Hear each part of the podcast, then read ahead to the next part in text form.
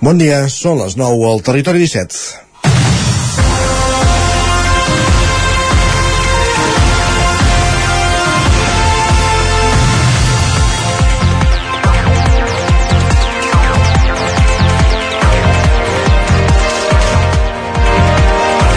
La decisió que ha pres l'Institut, la direcció de l'Institut Pere Bernils de Centelles, que avui ja explica el 9-9 i que explicarem tot seguit, és valenta.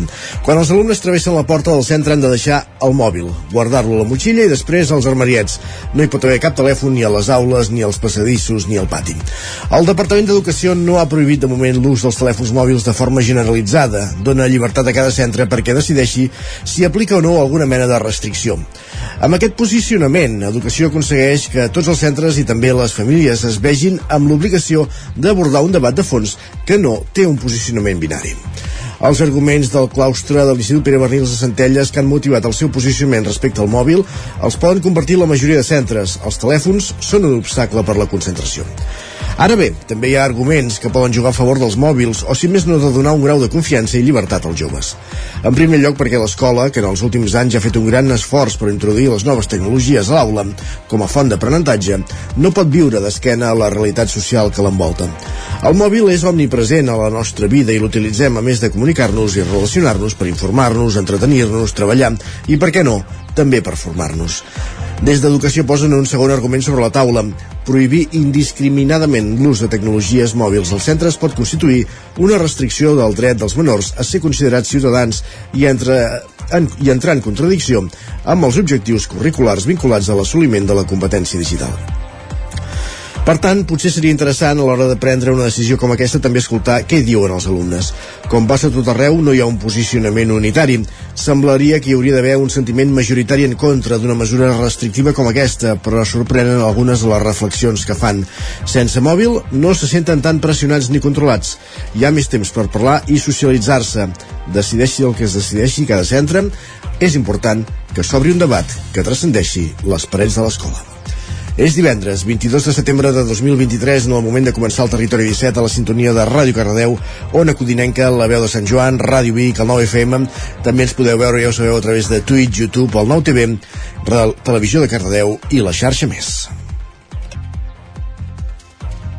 Moment, com dèiem, de començar el territori 17 i el que fem abans que res, avançar-vos quins són els continguts amb els quals us acompanyarem al llarg d'aquestes dues properes hores aquí al territori 17, des d'ara fins al punt de les 11. En aquesta primera mitja hora ens dedicarem a aprofundir en l'actualitat de les nostres comarques, les notícies del territori 17, repassant el més destacat de l'actualitat al Vallès Oriental, l'Osona, el Ripollès, el Moianès i el Lluçanès. També farem un cop d'ull al temps, com cada dia en Pep Acosta, i avui amb especial atenció tenint en compte que entrem de nou al cap de setmana i anirem fins al quiosc amb en Sergi Vives per repassar quines són les portades dels diaris del dia d'avui d'avui divendres 22 de setembre de l'any 2023 més qüestions. En aquesta primera arribarem a la pausa dos quarts de deu i els divendres dos quarts de deu ja sabeu que és moment de tertúlia. Avui en companyia d'en Jordi Vilarrodà Víctor Palomar i la Gemma Permanyer per abordar diverses qüestions de l'actualitat de les nostres comarques. Arribarem al punt de les 10 amb música, notícies a les 10, la previsió del temps i serà el moment també de fer el repàs esportiu, saber quins són els compromisos dels equips esportistes de les nostres comarques per aquest cap de setmana. Acabarem el programa, com sempre, amb la part més lúdica i festiva. Primer amb música, amb en Jaume Espuny, que arribarà amb un disc sota el braç, un clàssic musical que escoltarem i, i repassarem i acabarem el programa fent un cop d'ull a l'agenda d'actes del cap de setmana. Aquest és el menú del territori 17 d'aquest matí de divendres i ara, sense més, ens disposem a servir-vos des d'ara, fent-vos companyia des d'ara i fins al punt de les 11. Territori 17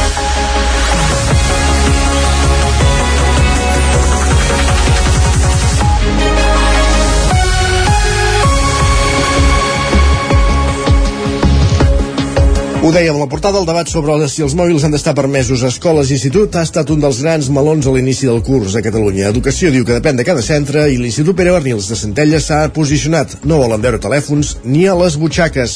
Sergi Vives. No són l'excepció, però sí que es pot convertir en capdavanter a Osona. Abans aquest institut ja no tenia gaire tolerància amb els mòbils, però amb l'inici de curs han pujat el grau d'intensitat. Quan els alumnes de secundària arriben a primera hora del matí, l'han de tenir guardat a la motxilla, als armariets o directament no portar portar-lo. Això evita els, que els, els telèfons doncs, a les aules, als passadissos o a l'hora del pati. Tot plegat, la direcció del centre ho resumeix dient que tenen comprovat que els telèfons juguen en contra dels alumnes a l'hora de concentrar-se. També hi veuen altres beneficis, des de no trobar-se gestionant afers que transcendeixen l'institut, bàsicament les conseqüències de missatges i vídeos a les xarxes socials, fins a ajustar la relació amb les famílies. Aquests arguments hi sumen fomentar les relacions socials entre companys i combatre l'addicció a les pantalles. El Departament d'Educació, però, no es mulla sobre quin paper han de tenir els mòbils als centres educatius. Tot i les peticions demanant que s'ordeni i reguli l'ús dels telèfons, la consellera Anna Simó es limitava a dir aquesta setmana que si bé personalment no creu en prohibir, els centres tenen autonomia, és a dir, que la decisió depèn d'ells. Doncs un altre cas és a Cardedeu, on més de 200 famílies amb alumnes a infantil i primària, a, a, dir, a primària i secundària, volem dir, han format la plataforma Reconnecta't, una plataforma per endarrerir l'accés dels infants als telèfons mòbils i buscar entre tots eines de prevenció, sensibilització i acompanyament per fer un ús adequat d'aquests dispositius. Enric Rubio, Ràdio Televisió Cardedeu. Doncs sí, Isaac, més de 200 famílies, tant de primària com de secundària, però sobretot famílies on els fills i filles començaven aquest setembre a l'institut. Famílies que compartien la preocupació de que hi ha una idea instaurada de que els infants comencen primer d'ESO amb un telèfon mòbil a les mans. Pares i mares que no veien clar aquest fet, que aquest fet fos el moment adequat d'oferir un mòbil als seus fills i filles van començar la plataforma Reconnecta't per posar en comú aquesta situació i per evitar el típic és que tots els nens i nenes de la meva classe ja tenen el mòbil i jo encara no. Els mòbils formen part del nostre dia a dia, ja sigui per estar en contacte amb amics, familiars o per omplir el temps lliure. Per posar una dada, els joves d'entre 16 i 24 anys passen una mitjana de, de 3 hores i 11 minuts amb el telèfon mòbil i hi ha qui assegura que no sabria viure sense ell. El Xavi, la Sara i l'Aina, tres joves de Cardedeu, ens expliquen com ho viuen. Tinc el mòbil des dels 10 anys aproximadament, el faig servir més cares per multimèdia i pel tema familiar, soc bastant addicta, com jo crec que la majoria de gent, i no sé si podria viure sense mòbil, ja que pràcticament el faig servir per entreteniment i per parlar amb els meus amics i per quedar i per tot, eh, però sí que si no tingués mòbil guanyaria molt més temps i seria bastant més productiva. Doncs per contactar amb els meus amics, per mirar vídeos, per mirar xarxes socials i sobretot per estar al dia, perquè m'agrada molt estar al dia. I què faria sense mòbil? La veritat és que sense mòbil jo crec que podria adaptar-me a viure sense mòbil, eh, em costaria, però m'acabaria adaptant i jo crec que acabaria doncs, fent coses que, que potser tenint mòbil no faig, que és pues, sortir més la primera mesura d'aquesta plataforma, tal i com us vam avançar la setmana passada, ha anat de la mà de tots els instituts de Cardedeu, prohibint l'ús dels telèfons, tant a dins com a fora de l'aula. Ara continuaran treballant per poder fer un acompanyament efectiu amb l'arribada d'aquests dispositius a les mans dels infants, així com tasques de prevenció i sensibilització per famílies de primària. Més qüestions. Des, des de principis de l'any 2020, l'Institut Català de Finances ha finançat 59 empreses d'Osona per un import de 37,3 milions d'euros. És una dada que s'ha donat a conèixer aquest dijous la trobada pel creixement econòmic i sostenible que s'ha fet a Vic, Sergi. Així és, va ser ahir quan la sala d'actes del Museu Episcopal va reunir una cinquantena d'empreses i entitats de la comarca. L'acte va servir per donar a conèixer l'Institut eh, Català de Finances, la banca pública de la Generalitat de Catalunya dedicada a impulsar i donar recursos a empreses del país. Vanessa Cervera és la consellera delegada de l'Institut.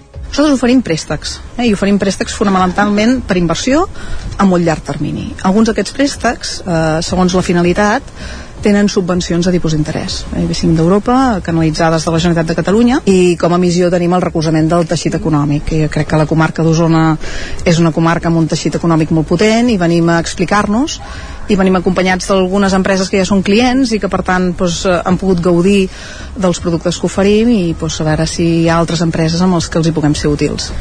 És el cas de Vera, el grup Geporc i del consultori Vallès. Totes tres són osonenques i han rebut finançament de l'Institut Català de Finances. Des de principis del 2020, l'Institut ha finançat 59 empreses d'Osona per un import total de 37,3 milions d'euros, una xifra que supera els 100 milions d'euros al conjunt de la Catalunya central. Ho desgranava la consellera d'Economia i Hisenda de la Generalitat, Natàlia Mas. Doncs l'ICF ha donat suport a més de 150 empreses de, del territori de la Catalunya central per un import d'uns 120 milions d'euros de finançament i per tant bé, a disposar, estem aquí a disposició per escoltar doncs, quines són les necessitats i poder veure com encaixen doncs, en, en els nostres serveis. D'aquesta manera, la consellera destacava la solvència financera de la banca pública catalana, un actor clau ha dit que actua com a complement del sector privat.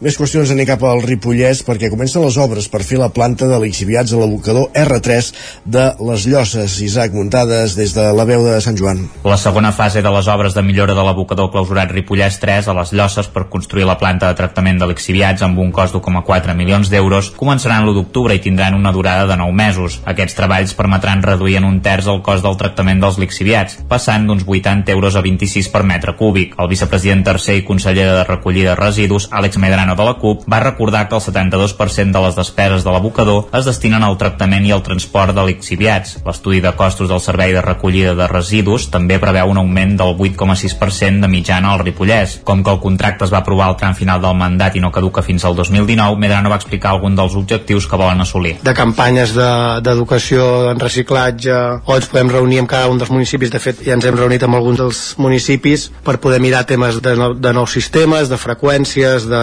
reorganitzar les ubicacions o per, per ajudar amb les campanyes doncs també estem més que oberts a, a col·laborar perquè tenim la, la fita no, d'incrementar el reciclatge de cares a l'any 2030 a un, a un 60%. El conseller Ramon Roquer de més va advocar per ser valents i canviar el model de recollida de residus. I segurament ara seria el moment i per tant demanaria obertament que fos el moment en què el Consell ja afrontés obertament, no? de forma serena, tranquil·la, pausada, amb diferents reunions monotemàtiques amb els diferents municipis, de forma forma compartida, ja per posar sobre la taula la possibilitat de que la comarca ja sigui una vegada per totes pugui fer un sistema un sistema únic, eh, que tots pensem per lo que es va imposant al país que segurament el porta a porta, o un sistema similar o, o, o dos sistemes que es complementin, però que en tot cas vagin en aquesta línia. Roquer va dir que si calia es podia estudiar la rescisió del contracte abans de la seva finalització. Alguns alcaldes sí que van verbalitzar que preferien que cada poble decidís el seu model. L'estudi de costos de l'abocador clausurat i el servei de recollida de residus van rebre llum verda amb els vots d'Esquerra, PSC, la CUP Independents pel Ripollès, mentre que Junts, Aliança i Més es van abstenir.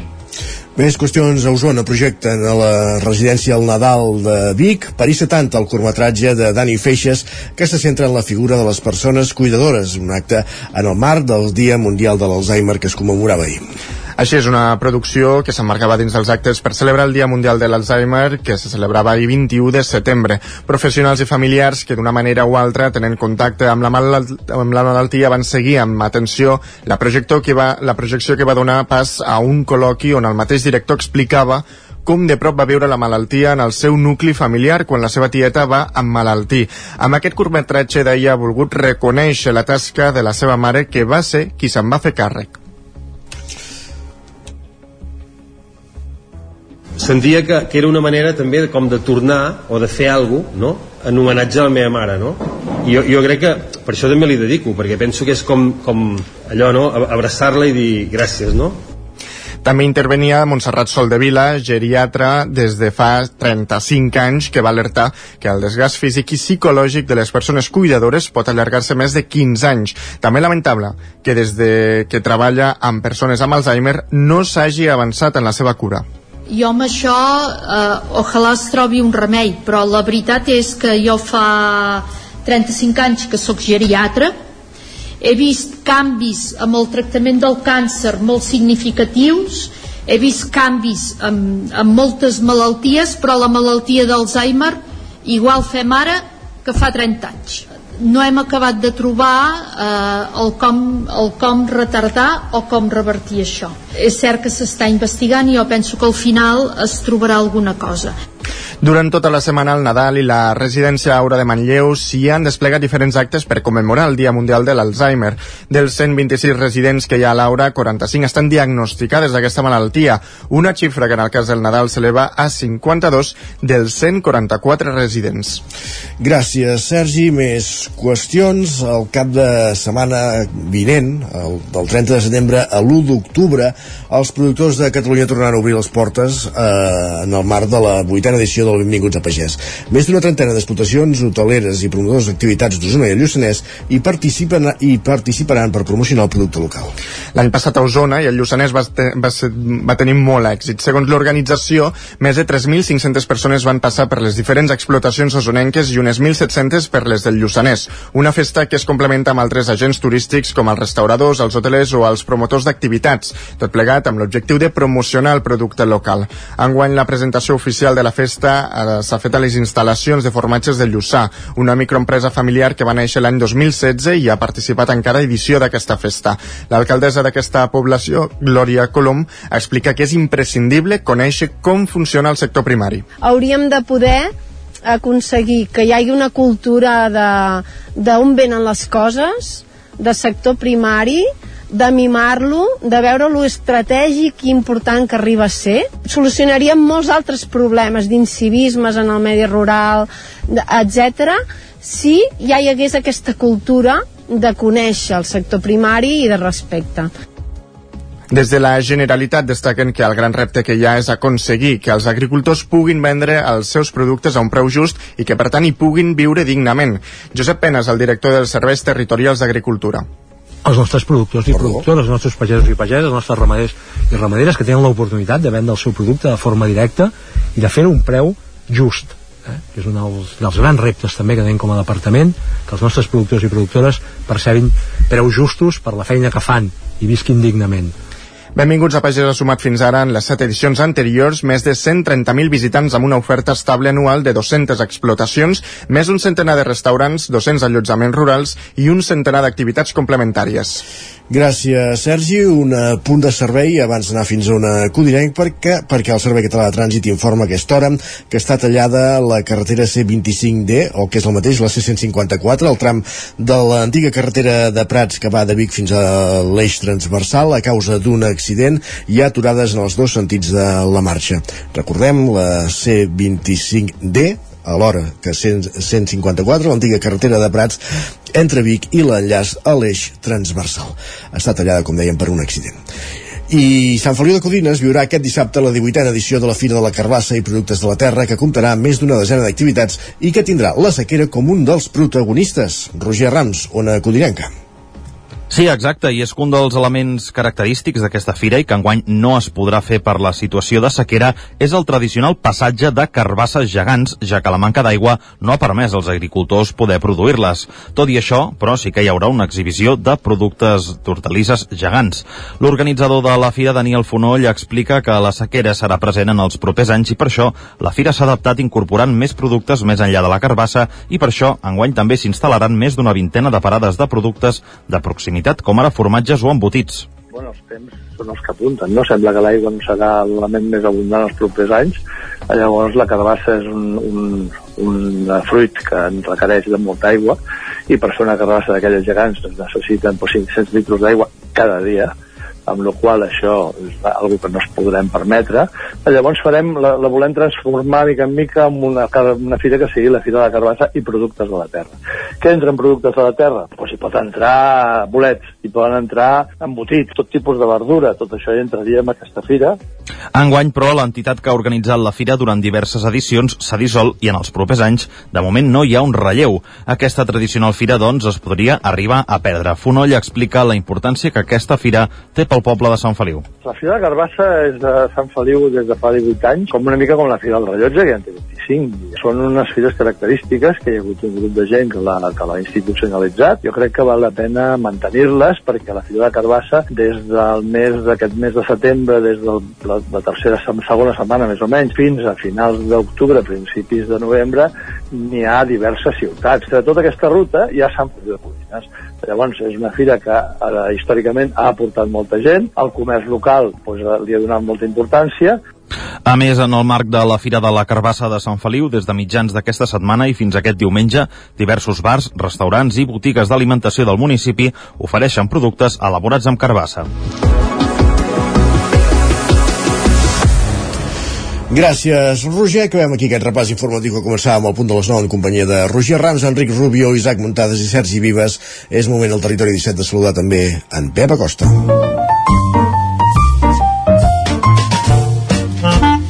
Casa Terradellos us ofereix el temps. Perquè volem saber quin temps ha fet les darreres hores, però sobretot, sobretot, sobretot, quin temps farà el cap de setmana. Hola, Què tal, Pep? molt bon dia. Bon dia. Ja fa olor de cap de setmana, ja el tenim aquí.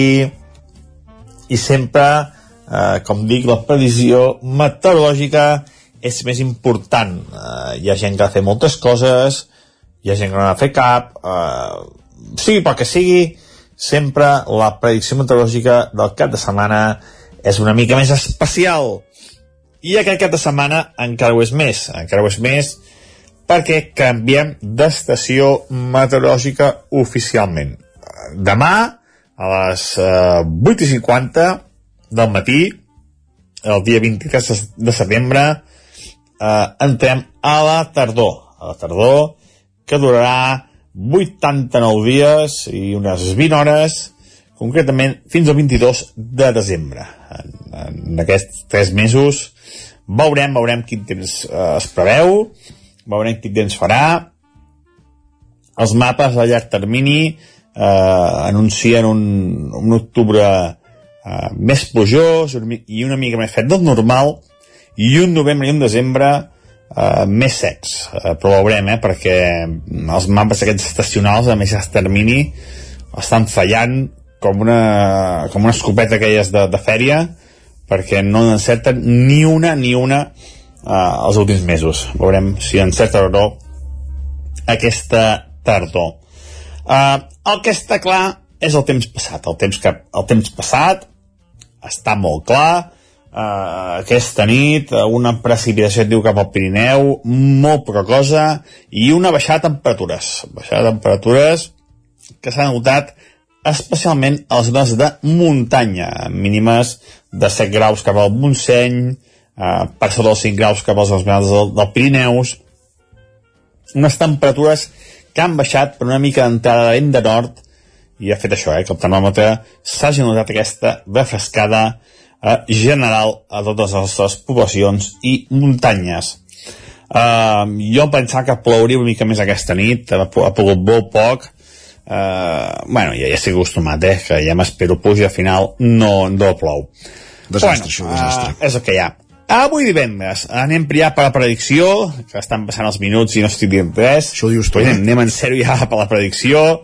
Aquest divendres ens llevem bastant de sol i a la tarda hi haurà nuvolades amb alguna petita precipitació, sobretot a zones de muntanya, Montseny, Guilleries i cap als Pirineus.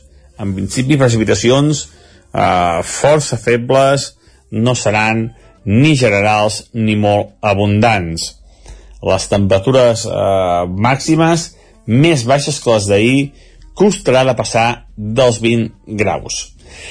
I el cap de setmana, demà, com he dit abans, comença la tardor i ho farà amb un temps molt, molt estable, molta tranquil·litat i pujada de temperatures. S'acaba aquesta injecció, aquesta petita injecció de vents de nord, tornem a vents de sud, a vents més càlids i per tant demà serà un dia agradable, sol, quatre núvols, temperatures en ascens. Un ascens de temperatures que es consolida diumenge amb un temps normalment molt estable, el primer dia setjada de tardor que serà molt estable, amb temperatures màximes properes als 25 graus a moltes zones, i les mínimes per això quedaran tocades. Les mínimes ja eh, no pujaran, quedaran bastant tocades, eh, i és normal, eh? les nits ja són bastant llargues, i amb aquesta entrada nord que han tingut els hi costarà de remuntar les temperatures mínimes. Hagi bé, adeu. Parlem d'aquí una estona, gràcies, Pep. Demà com entrem a la tardor, una tardor càlida, més aviat per això. Anem cap al quios, va.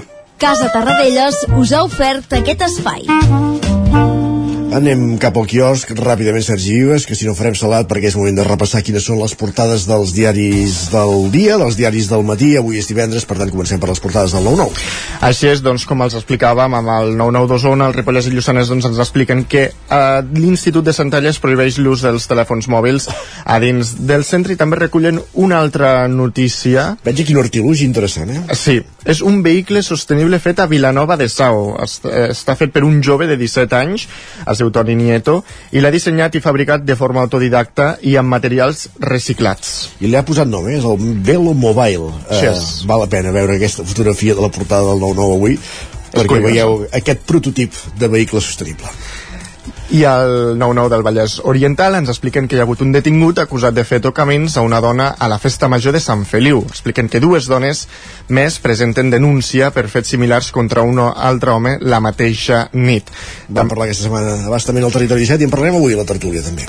I també destaquen doncs, que eh, hi ha patis més amables i educatius. Expliquen que escoles de Granollers reformen espais d'esbarjo per fer-los més naturals i diversos. Anem a repassar la premsa nacional. Doncs mira, el punt avui encapça la portada amb el titular Tortures en revisió. Diuen que per primer cop la Fiscalia vol investigar la impunitat de la policia franquista via Laietana. Diuen que fa pre prevaldre la... No... Cop, eh? 40 anys després. Així 40 és, anys, sí, sí. Fa prevaldre la nova llei de memòria històrica sobre l'amnistia i la prescripció dels delictes i expliquen que es refereix a la querella del sindicalista Carles Vallejo per tortures a principis dels anys 70.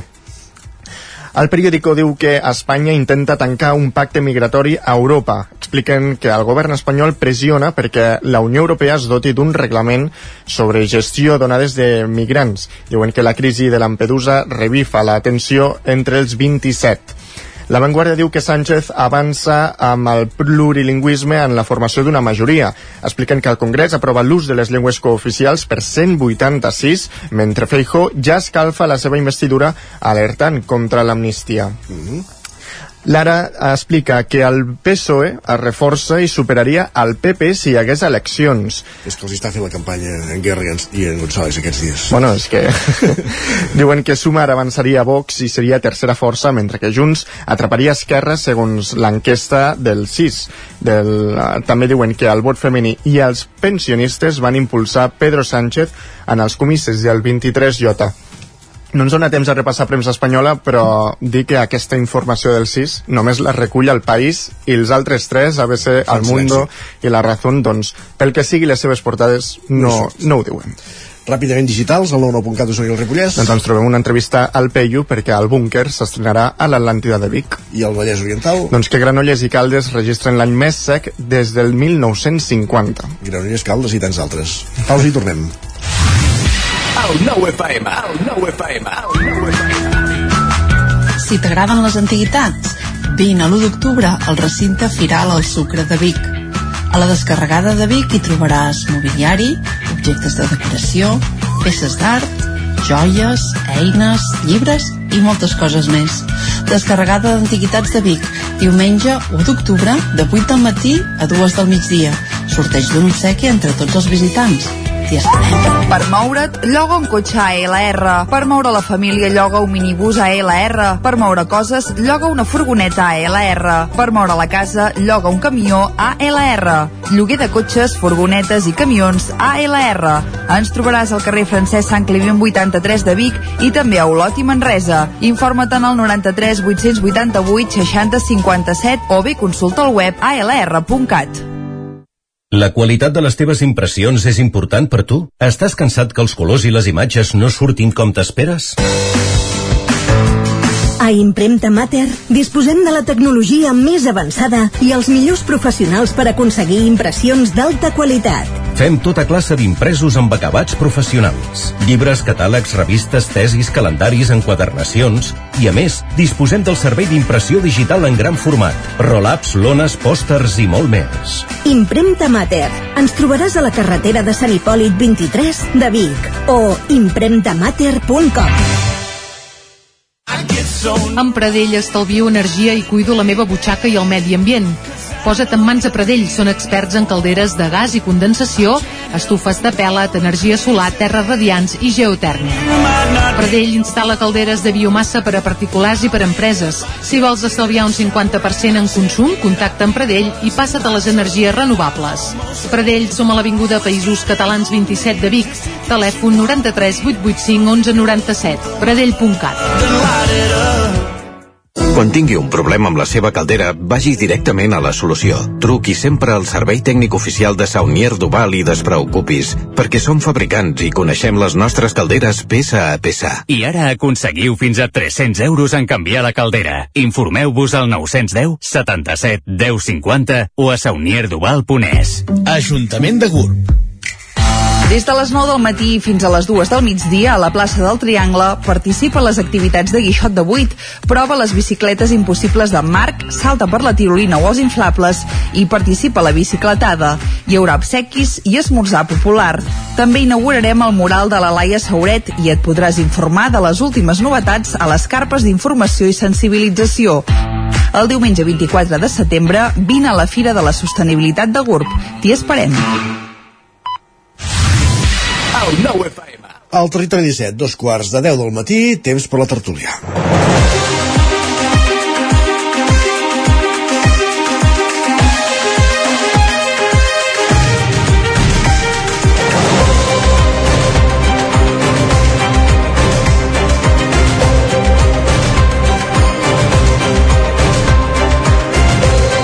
Temps de tertúlia avui en companyia de Jordi Vilarrodà, de Víctor Palomar, de Gemma Permanyer. Saludem primer eh, en Jordi Vilarrodà i la Gemma Permanyer, que ja els tenim a l'estudi situats tots dos. Un al 9FM, l'altre a una codinenca. Benvinguts, bon dia. Gràcies, bon dia. Bon dia.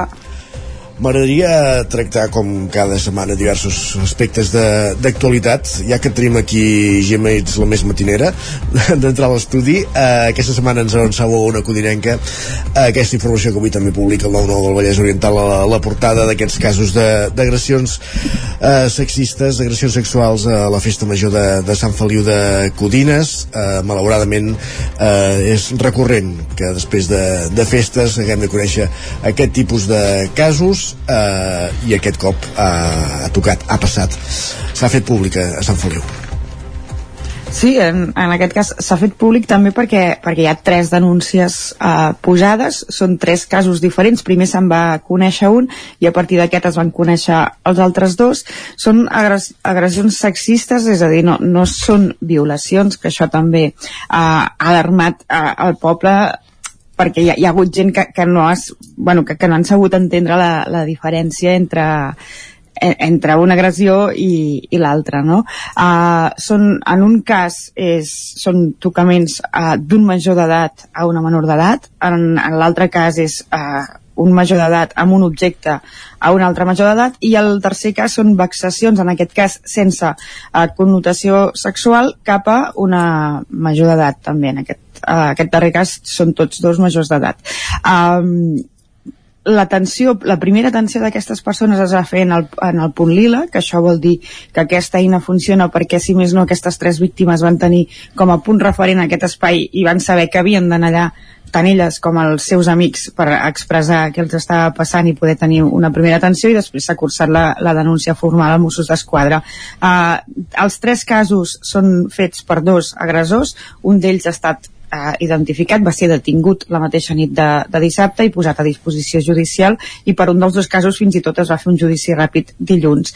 L'altre encara no, no ha estat identificat. Eh, això ha fet que, evidentment, hi hagués una condemna ferma per part de, de tothom, fins i tot eh, l'Ajuntament de Sant Feliu ha fet front comú amb, amb els quatre grups polítics municipals que, que formen el, el consistori, van fer un, un manifest conjunt bastant contundent en el qual no només condemnen les, les agressions, sinó que també condemnen el fet que hi hagués gent de l'entorn eh, dels agressors o gent que hagués vist l'agressió que les silenciés o que les negués a davant d'altres persones que sí que les havien vistes, que això també és, és, és igual eh, al meu parer, és igual de greu que, que, la, que la pròpia agressió.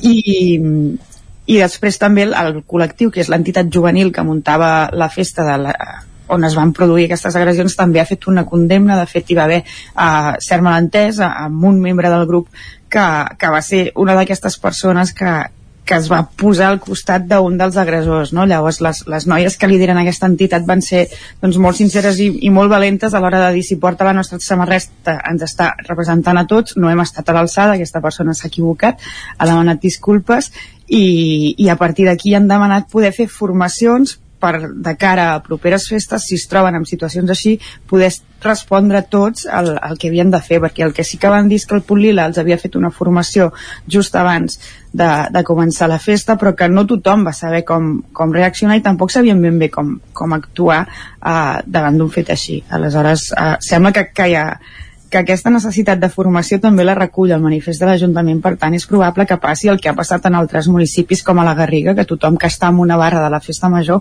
ha passat prèviament per una formació i, i se'ls explica doncs, què haurien de fer si una noia o un noi o qui sigui s'acosta a la barra per dir he estat agredit. Bé, eh, no, no, eh, a mi eh, tot això em, em porta doncs, a la conclusió de que és important eh, i a vegades sembla que no que, que no facin gaire feina el, el fet de que hi hagi doncs, aquests punt liles eh, quan es fa una activitat que comporta un cert moviment de gent important eh, eh, festiva normalment eh, doncs que, que hi ha aquell, aquell normalment aquella carpa allà en, al costat doncs a l'entrada o en algun lloc més o menys visible que diu punt lila i, i això doncs sembla que no i és molt important perquè eh, primera que és l'atenció eh, les persones que poden patir alguna agressió i després també aquell efecte, eh, jo suposo que fins a cert punt eh, també allò dissuasori, de dir, escolta, això em recorda, eh, el fet de que hi hagi aquest puldila, em recorda que hi ha una sèrie, o sigui, que hi ha uns comportaments que, que, que són inadmissibles i que, i que, i que aquí és el lloc on es ve, on es ve a, a, a parlar-ne si és que es dona el cas, no? I, i, mm, i això em sembla molt important de, de que hi continuï sent. Mentre, eh, a veure l'ideal seria que no hi hagués de ser evidentment però mentre eh, passin aquestes coses ens demostra que la, la nostra societat doncs eh, encara no, no encara, encara es reprodueixen uns comportaments que, que en fi que, que ja no haurien d'existir però, però malauradament hi són.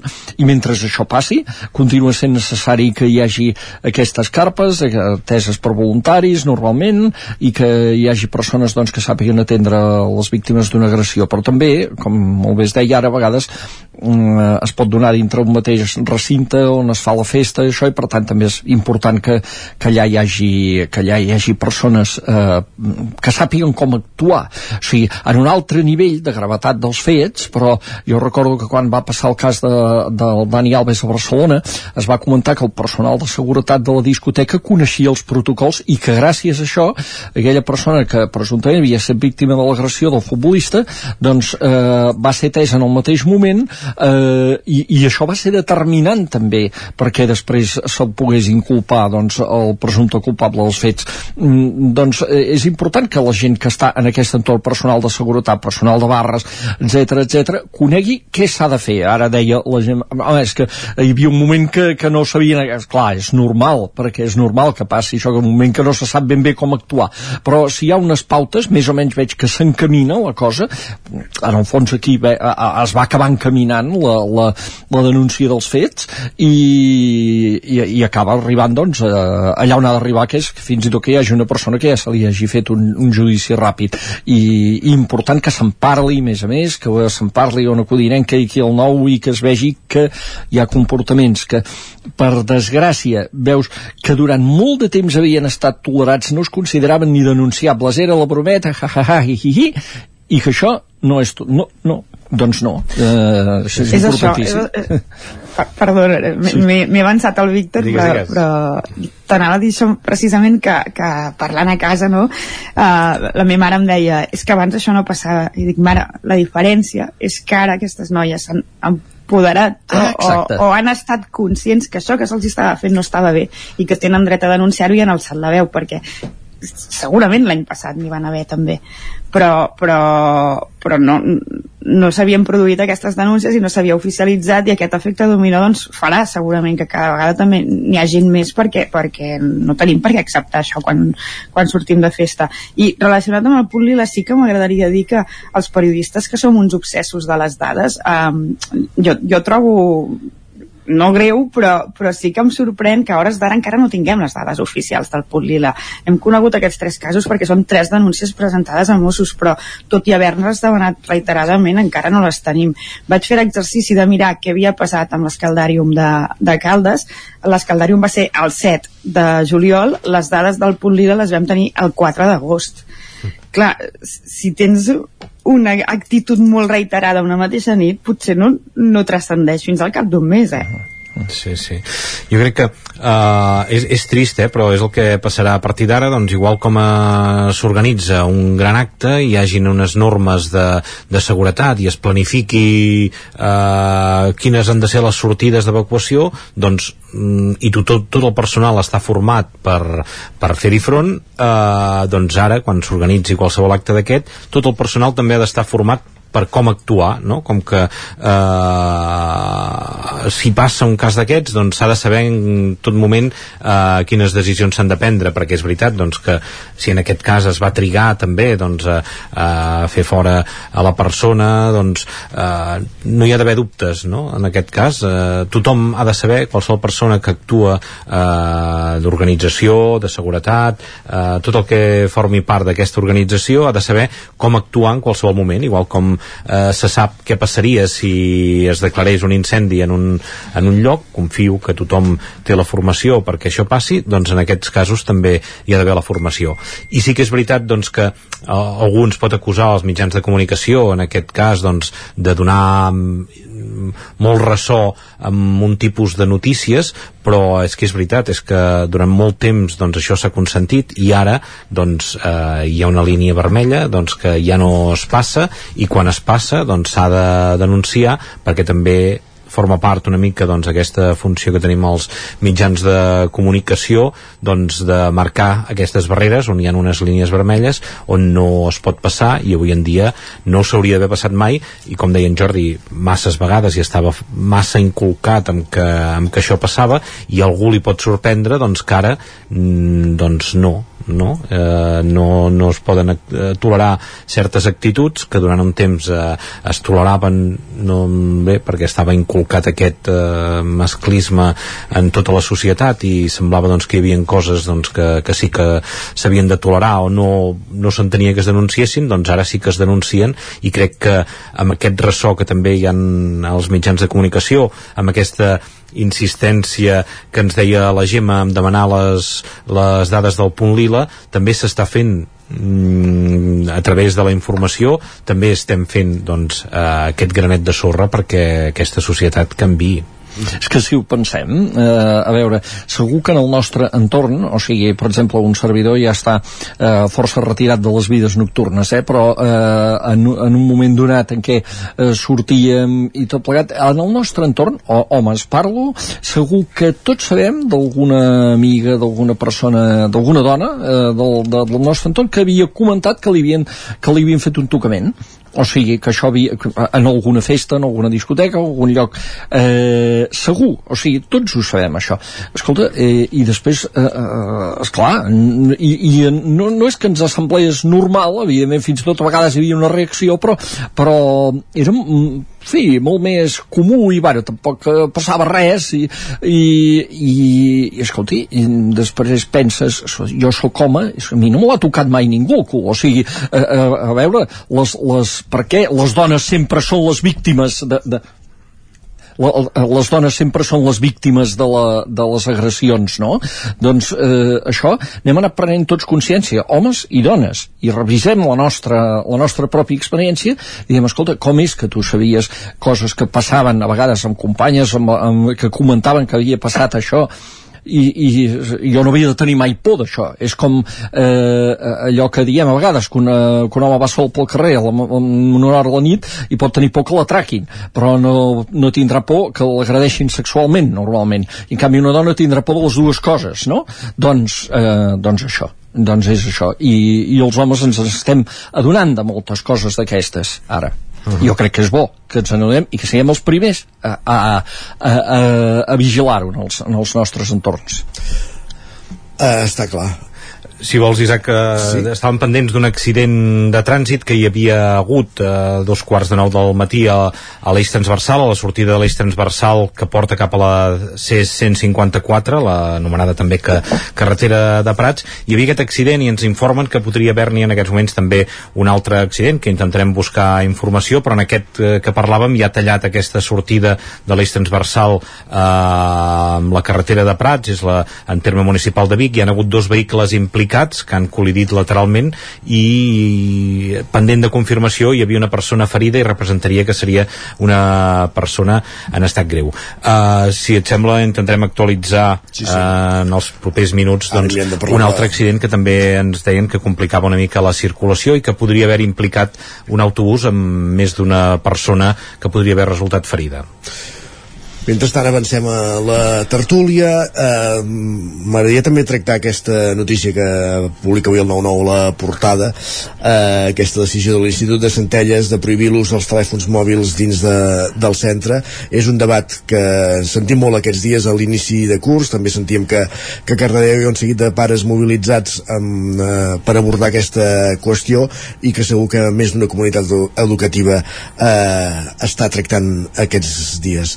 S'han s'han de prohibir, no s'han de prohibir, s'han de ser més menys permissiu, com, com veieu la, Ostres, la situació? Com ho deies tu, és un debat eh, difícil i llarg i que no té una resposta binària perquè eh, té moltes arestes aquest de, debat. Eh? Jo d'entrada una evidència, i que crec que compartirem gairebé tots, és eh, quan tu reuneixes eh, joves adolescents o una mica més petits i en un cercle, en una habitació introdueixes un mòbil tota l'activitat i tota la interrelació que hi havia aquestes, entre aquestes persones desapareix. Congela. No? Uh, tothom uh, ja, si, i si cadascú d'ells té, té un telèfon mòbil però uh, tota la mirada va aquí. Això passa en un pati d'un col·legi a la que hi entra un mòbil vull dir, hi entren els mòbils uh, la pilota s'atura.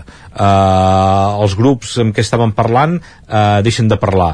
Algú dirà sí, però parlen a través de les pantalles, però no és el mateix. Alguna cosa està canviant. Per tant, quan tu introdueixes un mòbil i algú està pendent del mòbil eh, i estàs pendent de rebre missatges amb algú, tu no estàs, eh, l'atenció no és la mateixa. Si hi ha un debat intens entre els mòbils abans d'entrar a la classe perquè ha passat no sé quina cosa, doncs quan estàs a dins l'aula també hi ha tot aquest eh, eh, ansietat, aquesta necessitat i no estàs concentrat amb el, amb el que has de fer. Jo crec que això gairebé és descriptiu i ho podríem compartir gairebé tots. Ara també és veritat és que hi ha una realitat i l'escola no pot donar l'esquena a la realitat i la realitat és que el mòbil eh, envaeix tota la nostra vida, forma part de tot, ens informem a través del mòbil, tirem fotografies, eh, treballem a través del, del mòbil, ens entretenim, el, els jocs eh, estan dins aquest aparell, per tant, és omnipresent amb la nostra societat i l'escola no el pot deixar de banda. Jo crec que també és intel·ligent eh, introduir el mòbil a l'aula com un element més eh, educatiu, sabent que quan surtin d'allà és on hi, on hi haurà les mirades eh, focalitzades. Doncs per tant si alguna estem estudiant algun tema concret eh, la botànica i hi ha una aplicació que ens pot ajudar a aprendre la botànica quan sortim al carrer per identificar eh, les plantes i això eh, ens pot multiplicar eh, els coneixements doncs eh, s'ha d'introduir Uh, bé, hi ha, hi ha molts elements uh, per un cantó i per l'altre i l'altre també és uh, dir directament amb els alumnes que la direcció o el Departament d'Educació prohibeix l'ús del mòbil a partir de que travesses la porta d'entrada de l'escola és una lliçó molt dolenta per donar amb els, amb els joves no? uh, aquesta prohibició això és una cosa antiga i va en contra de, de totes les línies educatives i dels valors que, que, que portem amb els joves i volem que apliquin a la nostra nostra societat. El que s'ha de fer és obrir un debat i obrir un debat en què també hi siguin ells. Perquè aquests dies eh, vam anar a l'escola de Centelles que ara han decidit eh, de que no puguin utilitzar el mòbil. Ja no utilitzar sinó ni portar-lo a la butxaca. Eh, la que entra en el centre l'han de deixar en uns armaris i, i fins que no se surt del centre no es poden tornar a recuperar. Eh, doncs eh, està molt bé que, que el que ha permès això i aquestes decisions és obrir el debat i que ells hi participin, perquè com deia, quan hem anat a parlar amb aquests alumnes, lo lògic és que el 80% ens diguin que no estan d'acord amb que els hi prohibeixin el mòbil, però hi ha un 20% o menys, potser són un 5% que diuen la veritat és que estem més tranquils perquè la pressió que suposa tenir el mòbil sempre a sobre, que els altres el tinguin, que et graven, que et tiren fotografies, que a qualsevol moment eh, saps que estàs en un xat i que has de respondre, has d'estar eh, eh, a la white del que d'això, si no em respon aquest eh, és perquè igual està enfadat. Tot això genera una una angoixa i una ansietat que, que, que ens deien que, que això, doncs per tant, deixem-los hi participar i escoltem-los a tots jo personalment estic bastant a favor d'aquesta mesura, perquè de la mateixa manera que tu no pots portar, no ho sé, eh, és igual, no pots estar a classe escoltant la ràdio, o sigui, no pots estar a classe pendent d'un xat del mòbil, o sigui, eh, és, és, és una qüestió de d'atenció, perdó, eh, una qüestió d'atenció. Eh, no, no, no, eh, no pots estar pendents de les dues de, de dues coses alhora. Eh, i, i, i és clar, sí que segurament hi ha algun benefici. Pot haver-hi algun benefici pedagògic. El que deia en Víctor és un cas molt concret. Eh, per exemple que es pugui utilitzar una aplicació. Però en el primer moment que es va començar a obrir aquest debat també jo era, com, era gairebé com, com una expressió que es anava repetint allò. És que el mòbil pot ser una eina pedagògica útil, no sé què, escolti, porti'm unes dades eh, d'estudis de, que diguin en quines circumstàncies en quins moments el mòbil pot ser una eina pedagògica comptant que també com a eina pedagògica moltes vegades les escoles disposen de tauletes o d'ordinadors que poden fer aquesta funció. Eh, en quins casos molt concretíssims però el que ha dit en Víctor n'és un eh, però, però eh, és tan imprescindible com a eina pedagògica el mòbil. Crec que era una cosa que anàvem repetint una mica per, per no, perquè no quedem com uns tecnofòbics, no? Eh, però, però en realitat eh, l'ús del mòbil pertorba, o sigui, les classes i, el, i, i jo crec que a més a més eh, eh, manté aquest punt doncs de, de això de que, de que hi ha d'haver un això s'ha de, de contestar de, no, no passa res, igual que de la mateixa manera que a vegades entraràs en una reunió i sabràs que durant dues hores no podràs contestar el mòbil. Perquè en aquella reunió quedaria molt malament que tu estiguessis allà eh, contestant el mòbil. I, i, i això forma, o a vegades estàs a la feina i també necessites desconnectar i silencies el mòbil perquè necessites fer una feina amb una certa concentració i jo ho he fet moltes vegades aquí a la feina si t'has redactar una notícia i aquell moment silencies el mòbil perquè no puc estar pendent d'aquells avisos, clinc, clinc, clinc em vagin sonant els avisos perquè llavors em venen ganes de mirar què diuen aquests avisos no? doncs això de fet és una pràctica que tu faràs al llarg de la vida que en determinats moments i circumstàncies t'aïllaràs del mòbil o veuràs que resulta pràctica aïllar-te del mòbil per poder portar a terme una tasca no? o per estar pendent del que diuen les altres persones quan estàs amb altres persones doncs exactament igual amb amb això és aprendre que hi ha moments que el mòbil no eh, i, i, i el pati Eh, també, com Víctor ha començat parlant del pati, fa poc veia una escena mm, sota casa meva eh, Sant Joan de les Abadestes, al meu poble, on, on hi ha una placeta, eh, 8 o 10 adolescents eh, en un banc, eh, vaig estar mirant 10 minuts aproximadament, no es van dir res, perquè cadascun estava pendent del seu mòbil. És que no es van dir una paraula. O sigui, a mi em sorprenia. Dir, ara algú dirà alguna cosa, comentarà alguna cosa que està veient. No. Es van passar 10 minuts que cadascú estava estar pendent del seu mòbil i no va dir ni piu el que tenia del costat. El que tenia al costat. Llavors, eh, eh, en fi, eh, jo veig això i em, i, em, i em sorprenc. I mira que jo soc tecnològic i amb el mòbil tot el dia, eh? però, però penso que en els centres escolars eh, s'ha d'aprendre que hi ha moments pel mòbil i moments que no, i que hi ha moments als centres doncs, que, que no, i jo crec que ells mateixos ho, ho acabaran gaudint també. Aquesta campanya que veig en aquest Institut de Centelles té um, un, un lema que, que hi ha aquí en una fotografia, que diu mira'm els ulls. Doncs eh, és això, mira'm els ulls, no, no, miri, no miris la pantalla, mira'm els ulls. Jo quan, quan ha començat el, el Víctor, que deies uh, és, és una qüestió que no té una resposta binària, primer he pensat, home, sí, sí que la té, no? Millor sense mòbils. Però uh, he anat evolucionant i... Ens ha convençut el Víctor, eh? sí, mentre us he escoltat a tots dos i penso que, que, que també és cert que no pots donar l'esquena, que el mòbil forma part d'aquesta societat. I llavors, uh, en aquest sentit, els instituts també se n'ha de parlar, és a dir, no, no, pot ser que siguin oasis on fem veure que no existeix, no, uh, posem-li però intentem ensenyar, ensenyar fer-ne un ús o racional o ètic de fet, l'experiència aquesta de Centelles també ja està sent amb, amb un parell d'instituts de, de Granollers que ho, ho vam recollir a BOTV mm. i el que explicaven els mestres era que eren classes molt més tranquil·les, amb alumnes més concentrats, que havien acabat amb problemes de, de ciberassetjament, que també es trobaven a vegades que els mateixos mestres eh, eren enregistrats pels mòbils dels alumnes, després se'n feien memes, això, això, clar, et poses a la pell del mestre i dius, doncs evidentment els prohibeixo no? que no entrin aquí, però potser també se li pot donar la volta i, i fer-los entendre doncs, que, que l'ús del mòbil no ha de ser per fer un meme del teu mestre o del company que et cau malament, no? sinó això que, que deies eh, tu, Víctor, de, ens poden ser molt útils ben utilitzats com, com totes les eines tecnològiques de fet, quan les portem a l'extrem és quan són perilloses aleshores no, no em sembla malament que les classes hagin de ser sense mòbils perquè eh, tots nosaltres mateixos quan, quan quan estem seguint una conferència o anem a cobrir un acte que és avorridíssim, el primer que fem és mirar el mòbil i desconnectar, per tant no.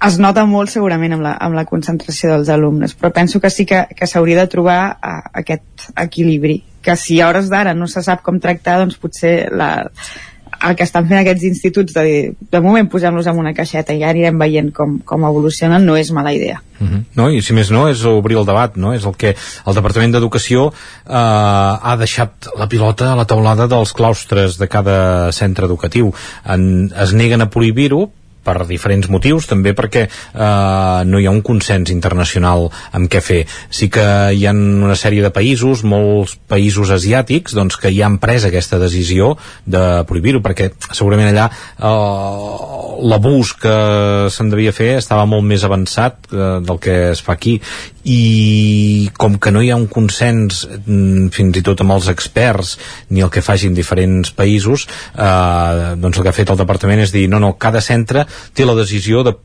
la llibertat de posar fins on vol posar límits amb l'ús dels telèfons mòbils. I el que jo crec que és bo d'aquesta part que algú pot dir, home, el que si, si governes és per prendre decisions no per delegar la presa de decisions però el que és interessant amb aquesta, amb aquesta decisió perquè han donat amb els equips directius a les escoles avui han rebut eh, una un, eh, informació sobre, sobre això amb aquest posicionament del departament i amb informació d'experts a favor, en contra i entremig, doncs eh, que cadascú obri el debat i és la part interessant que crec que hi ha de ser. Com nosaltres l'estem fent aquí, crec que aquest debat l'haurien d'estar fent també els joves a les aules i que ells també poguessin prendre una decisió perquè quan en parles, com ens passa aquí, no? quan la Gemma fa una aportació o en Jordi, eh, el que un mateix pensa al principi igual et pot eh, canviar la, la idea que tens, no? I això segurament en un debat en una aula eh, generarien coses o potser no es prendria cap decisió allà però això mateix que, que explicaves tu Gemma de que, ostres, eh, hi han hagut casos de ciberassetjament doncs és un bon moment perquè això mhm. aparegui a l'aula i algú posi sobre la taula dient això que estem fent nosaltres no, no, no li havíem posat nom però és ciberassetjament sí, sí. perquè a vegades sembla que eh, no, ciberassetjament home, això nosaltres no ho estem fent. No, doncs potser alguna de les coses que estan fent els joves és ciberassetjament però no li has posat mai el nom. I, i, és, i, i a vegades n'han estat víctimes els companys o companyes d'aula i a vegades eh, n'han estat víctimes professors també del ciberassetjament. Jo crec que al principi amb aquesta qüestió, o sigui, com qualsevol novetat tecnològica, a vegades som una mica eh, acrítics, o sigui, ens arriba i hem de donar per suposar gairebé que aquesta novetat tecnològica és bona, o sigui, i vinga, i endavant. Eh, clar, i ara eh, després anem matisant, després anem matisant quan veiem, quan veiem què passa, o sigui, hi va un moment que els adolescents van començar a portar mòbils a les aules, i va, això, això sé si serà una magnífica eina pedagògica, molt bé, bé després ho anem veient, això, igual com la intel·ligència artificial, ostres, siguin, bé, bé llavors surt el mateix Elon Musk i diu, bueno, aquí potser hi haurem de posar algun organisme regulador perquè això, eh, i ara estem veient fins i tot algun cas aquesta setmana que precisament se'ns està explicant que la, la, la intel·ligència artificial serveix per ciberassetjament, també, doncs, que, hem, que ho hem vist en una escola d'Extremadura. Doncs, a, a veure, no acceptem acríticament que qualsevol tecnologia d'entrada és bona.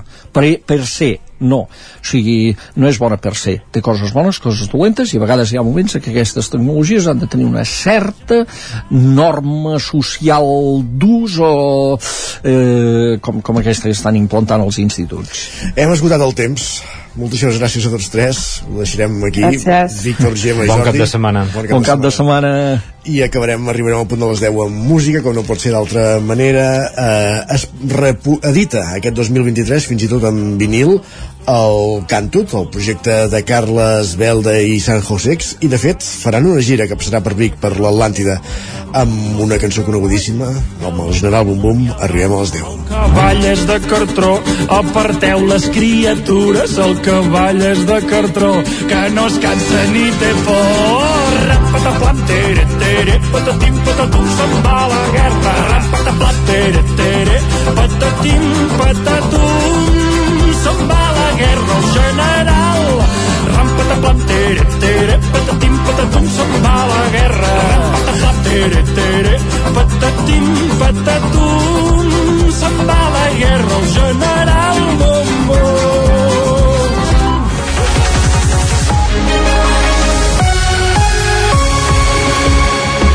és moment al territori 17 de posar-nos al dia d'actualitzar-nos amb les notícies més destacades de les nostres comarques i ho fem connexió amb les diferents emissores que dia a dia fan possible aquest programa a Ona Codinenca, Ràdio Cardedeu, La Veu de Sant Joan, Ràdio Vic, el 9FM, ens podeu veure també a través de Twitch, YouTube, el 9TV, Televisió de Cardedeu i la xarxa més al territori 17, el magazín de les comarques del Vallès Oriental, Osona, el Ripollès, el Moianès i el Lluçanès per explicar-vos aquesta hora que unes 170 persones homenatgen la jove assassinada a Can de Bànol ara fa un any. L'acte va ser aquest dijous al vespre, Isaac Muntades, la veu de Sant Joan. Unes 170 persones van homenatjar aquest dijous al vespre la noia que va ser trobada morta ara fa un any en un pis del número 1 del carrer Puntarró, Anna García Llobregat, una jove de 21 anys de Ripoll que va ser assassinada presumptament per la seva parella, Albert Pinto Pérez, de 37 anys i veí de Camp de Bànol. La concentració es va fer davant de la casa on es va cometre el crim i se li va fer un petit homenatge per mostrar el rebuig a la recurrent violència masclista soferta per la víctima, que desgraciadament va acabar en un desenllaç fatal. A l'entrada del pis on va ser assassinada, algú va escriure Anna por siempre en pintura lila.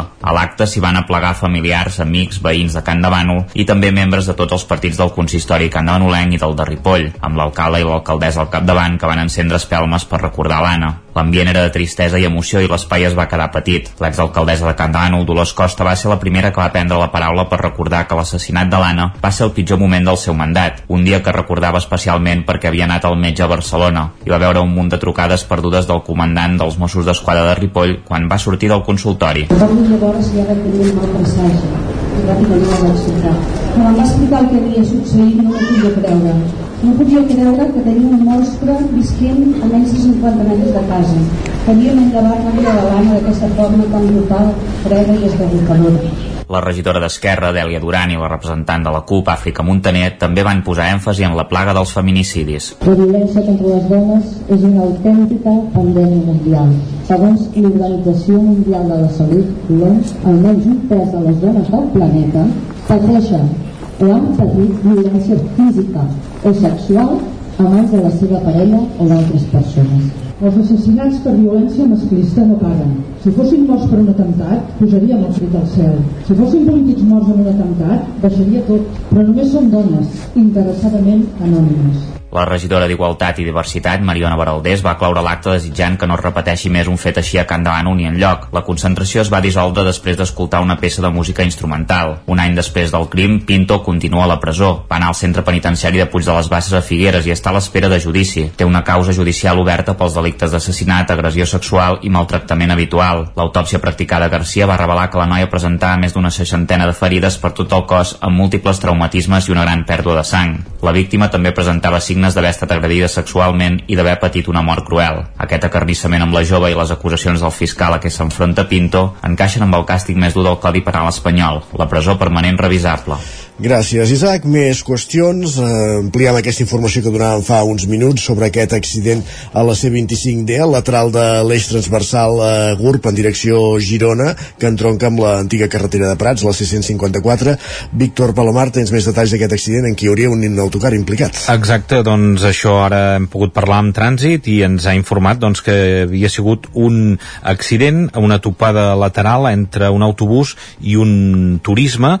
En l'autobús hi havia 11 passatgers i eh, la persona que hauria sortit eh, resultat eh, ferida més greu en la topada seria la conductora del turisme que havia quedat atrapada ja l'han pogut eh, eh, rescatar i les estan traslladant a l'Hospital Universitari de Vic i també s'està pendent de almenys sis d'aquests passatgers que haurien com a conseqüència de la topada també haurien resultat ferits. Eh, en aquest cas serien de menys gravetat i s'estava valorant doncs això si es feia el trasllat a l'Hospital hospital o no d'aquestes persones que, com dèiem, eh, amb aquest accident que ha passat eh, poc abans de dos quarts de nou del matí, a l'inici d'aquesta sortida de l'eix transversal a Vic, eh, la que enllaça cap a la C-154, la carretera de Prats, hi ha hagut aquesta col·lisió lateral, de moment amb un ferit greu que seria la conductora del turisme i els ocupants d'aquest autobús,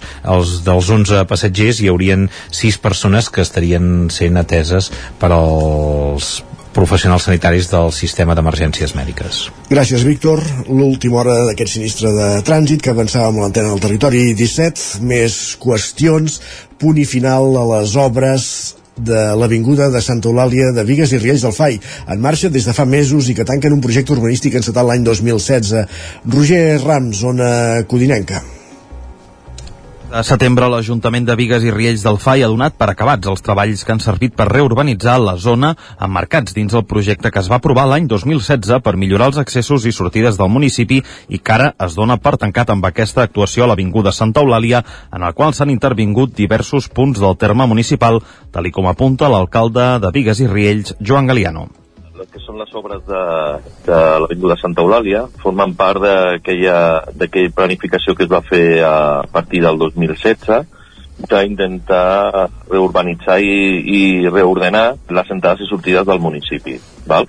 Es van fer primerament les inversions en, a, a el que és la pujada del cementiri, connexió amb l'Ametlla, connexió amb Caldes a través, i Santa Eulàlia a través de, de l'Avinguda Regasol, també a l'Avinguda de Saulons, a l'altres més malmès, a, a prop entre Castell de Montbui i Saulons de connexió a Sant Feliu de, de Codina, aquesta obra, que s'ha fet a l'Avinguda de Santa Eulàlia, es considera de gran format, ja que s'han fet més intervencions a banda de renovar l'asfaltat de la calçada. De fet, s'ha aprofitat per renovar el clavegaram i l'enllumenat i s'hi han fet millores en l'àmbit de l'accessibilitat i l'estacionament, així com també la creació d'un camí per vianants que ara ja connecta Vigues amb Santa Eulàlia de Ronçana quedava pendent fer aquesta inversió i aquesta actuació en l'Avinguda Santa Eulàlia de connexió en, eh, amb el poble de Santa Eulàlia de Ronçana. No? Era una obra eh, bastant llarga perquè és una via que era molt ampla, la qual estava molt, molt, molt mal, bueno, estava en unes condicions ja eh, fins i tot perilloses per lo que seria la, la circulació de, de, de vehicles i van decidir ja pues, fer la, la inversió aquest 2022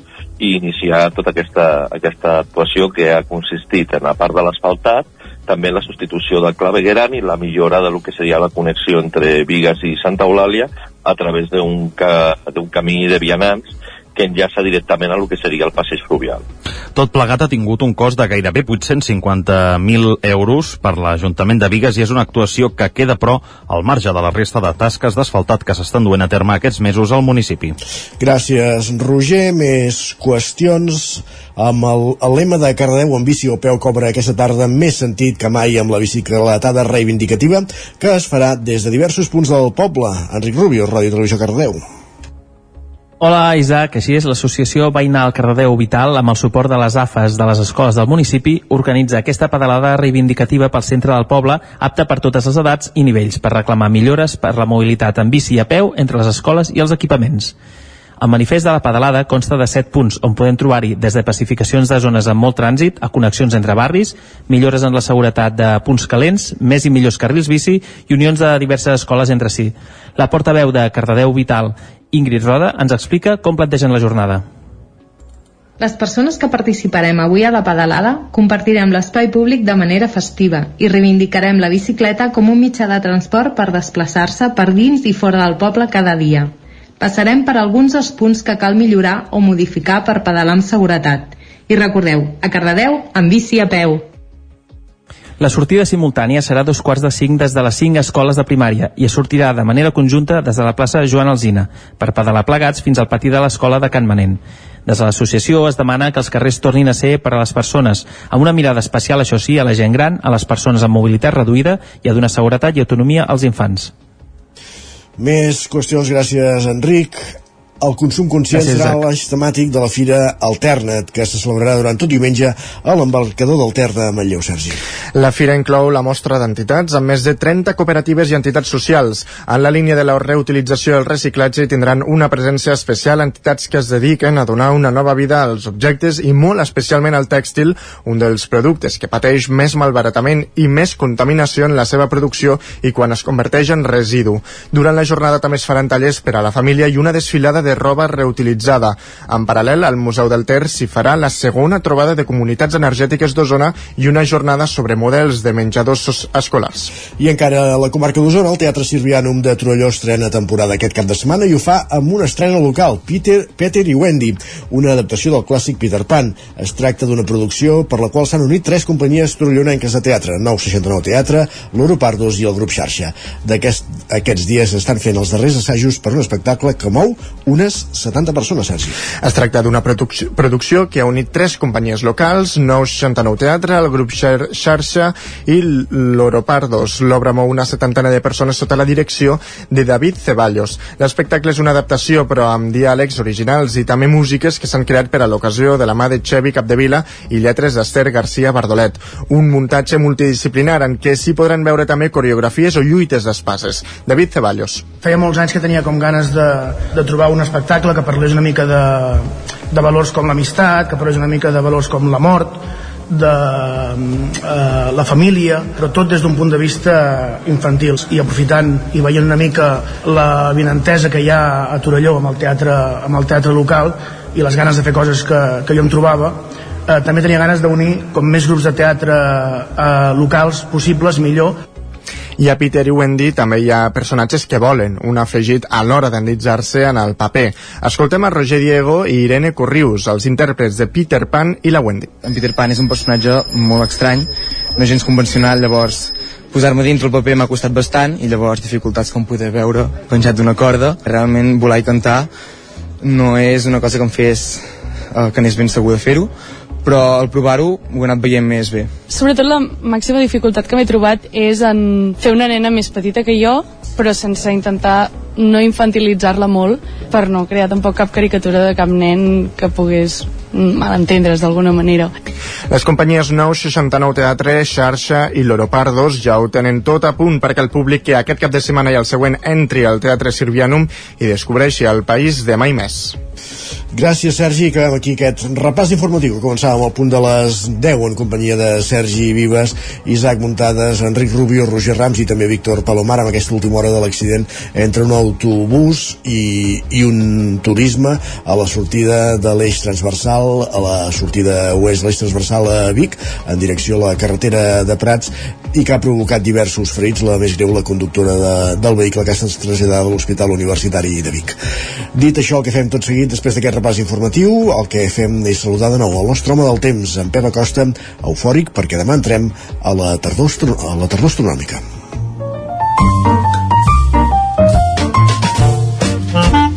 Casa Terradellos us ofereix el temps. Entrem a la tardor, però quin temps farà el cap de setmana, Pep? Benvingut de nou, bon dia. Hola, molt bon dia. Aquest divendres ens llevem bastant de sol i a la tarda hi haurà nuvolades amb alguna petita precipitació, sobretot a zones de muntanya, Montseny, Guilleries i cap als Pirineus. En principi, precipitacions eh, força febles, no seran ni generals ni molt abundants. Les temperatures eh, màximes més baixes que les d'ahir costarà de passar dels 20 graus. I el cap de setmana, demà, com he dit abans, comença la tardor i ho farà amb un temps molt, molt estable, molta tranquil·litat i pujada de temperatures. S'acaba aquesta injecció, aquesta petita injecció de vents de nord, tornem a vents de sud, a vents més càlids, i per tant demà serà un dia agradable, sol, quatre núvols, temperatures en ascens. Un ascens de temperatures que es consolida diumenge, amb un temps normalment molt estable, el primer dia de tardor, que serà molt estable, amb temperatures màximes properes als 25 graus a moltes zones, i les mínimes per això quedaran tocades. Les mínimes ja eh, no pujaran, quedaran bastant tocades, eh, ja és normal, eh? les nits ja són bastant llargues, i amb aquesta entrada nord que han tingut els hi costarà de remuntar les temperatures mínimes. I això és tot. Faig un resum molt ràpid. Avui divendres a una tempesta a la tarda cap a les zones de muntanya. Demà i diumenge molta tranquil·litat i temperatures cada vegada més altes. De dia, les mínimes quedaran força baixes ja durant tot el cap de setmana. I això és tot. Que disfruteu de, del temps, que disfruteu del cap de setmana i ens tornem a escoltar dilluns. Hagi bé, adeu. En gaudirem igualment, Pep. Bon cap de setmana i fins dilluns. Casa Terradellos us ha ofert aquest espai. Territori 17. Envia'ns les teves notes de veu per WhatsApp al 646 079 023. 646 079 023. WhatsApp Territori 17.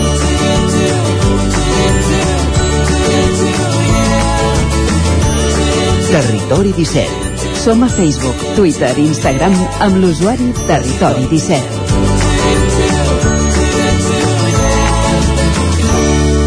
Un quart minut, un quart d'onze del matí al territori 17.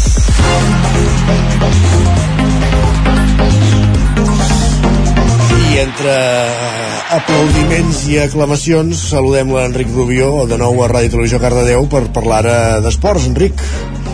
Hola Isaac, què tal, com estem? Mira, comencem aquest repàs de l'agenda esportiva del cap de setmana pel futbol, on el primer equip de Cardedeu jugarà a casa el diumenge a un quart d'una del migdia contra el Montcada, mentre que el filial ho farà a casa del rival, però no gaire lluny, ja que ho farà contra el Sant Celoni i serà dissabte a dos quarts de quatre de la tarda.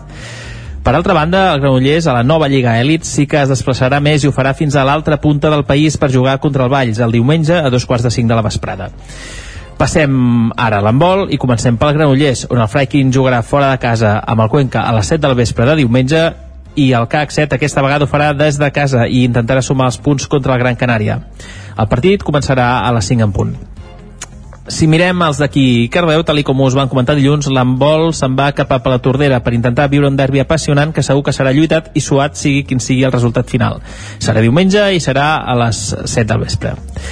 Esperem, Isaac, això sí, eh, i estic segur que així serà, que dilluns aportaré més bones notícies que el cap de setmana passat, que va Home, ser una mica Ho dramàtic. Ho vas prometre. Sí, sí, així serà. Va, gràcies, Enric. Fins ara. Gràcies. Continuem aquest recorregut, anem, anem fins als estudis d'Ona Codinenca, Roger Rams, eh, com es presenta el cap de setmana, esportivament parlant. Doncs vinga, va, fem, fem un cop d'ull a l'agenda esportiva dels nostres equips i comencem parlant de futbol. Com sempre, la primera divisió catalana, el primer equip masculí d'Alcaldes rep aquest diumenge a les 12 del migdia la visita del Parets del Vallès en la segona jornada de competició, com dèiem, d'aquesta primera divisió catalana. Recordem que els calderins venen d'empatar a dos en el camp del Montcada en l'estrena de l'equip. A la segona divisió catalana, el Sant Feliu de Codines visita diumenge al migdia el camp del Sabadell Nord i intentarà no trencar la bona dinàmica dinàmica de l'equip, que per cert encara no ha perdut aquesta temporada en la seva estrena a segona catalana. I finalment acabem el futbol a la tercera catalana, on el Mollà visitarà demà dissabte a un quart de set de la tarda al camp de la Garriga. I en hoquei patins, el primer equip del REC amb les Arcaldes disputarà el darrer partit amistós de pretemporada abans de començar ja l'hoquei Lliga contra el Mataró, mentre que el primer equip femení d'Alcaldes visitarà la pista del Palafrugell en la segona jornada de la Lliga Nacional Catalana d'Hoquei Patins.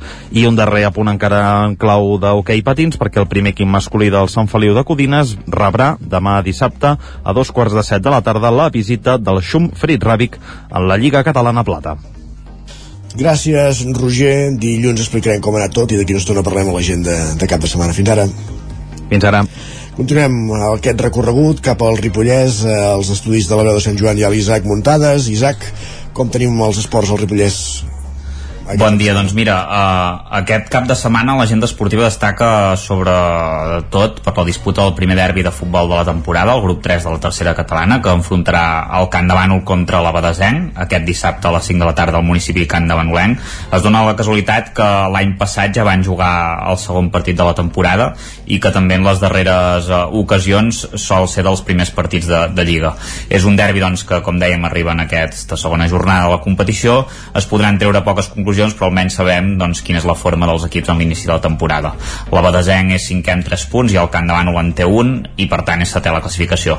Per la seva banda el Camp Prodona el trobem a la novena posició amb un punt també, després d'empatar contra el Besalú en el primer partit, jugarà a les 4 de la tarda contra el Sant Joanenc a domicili, que ja li va posar les coses difícils a la Badesenc, veurem doncs si els camprodonins poden sumar els 3 punts i lluitar per alguna cosa més aquesta temporada.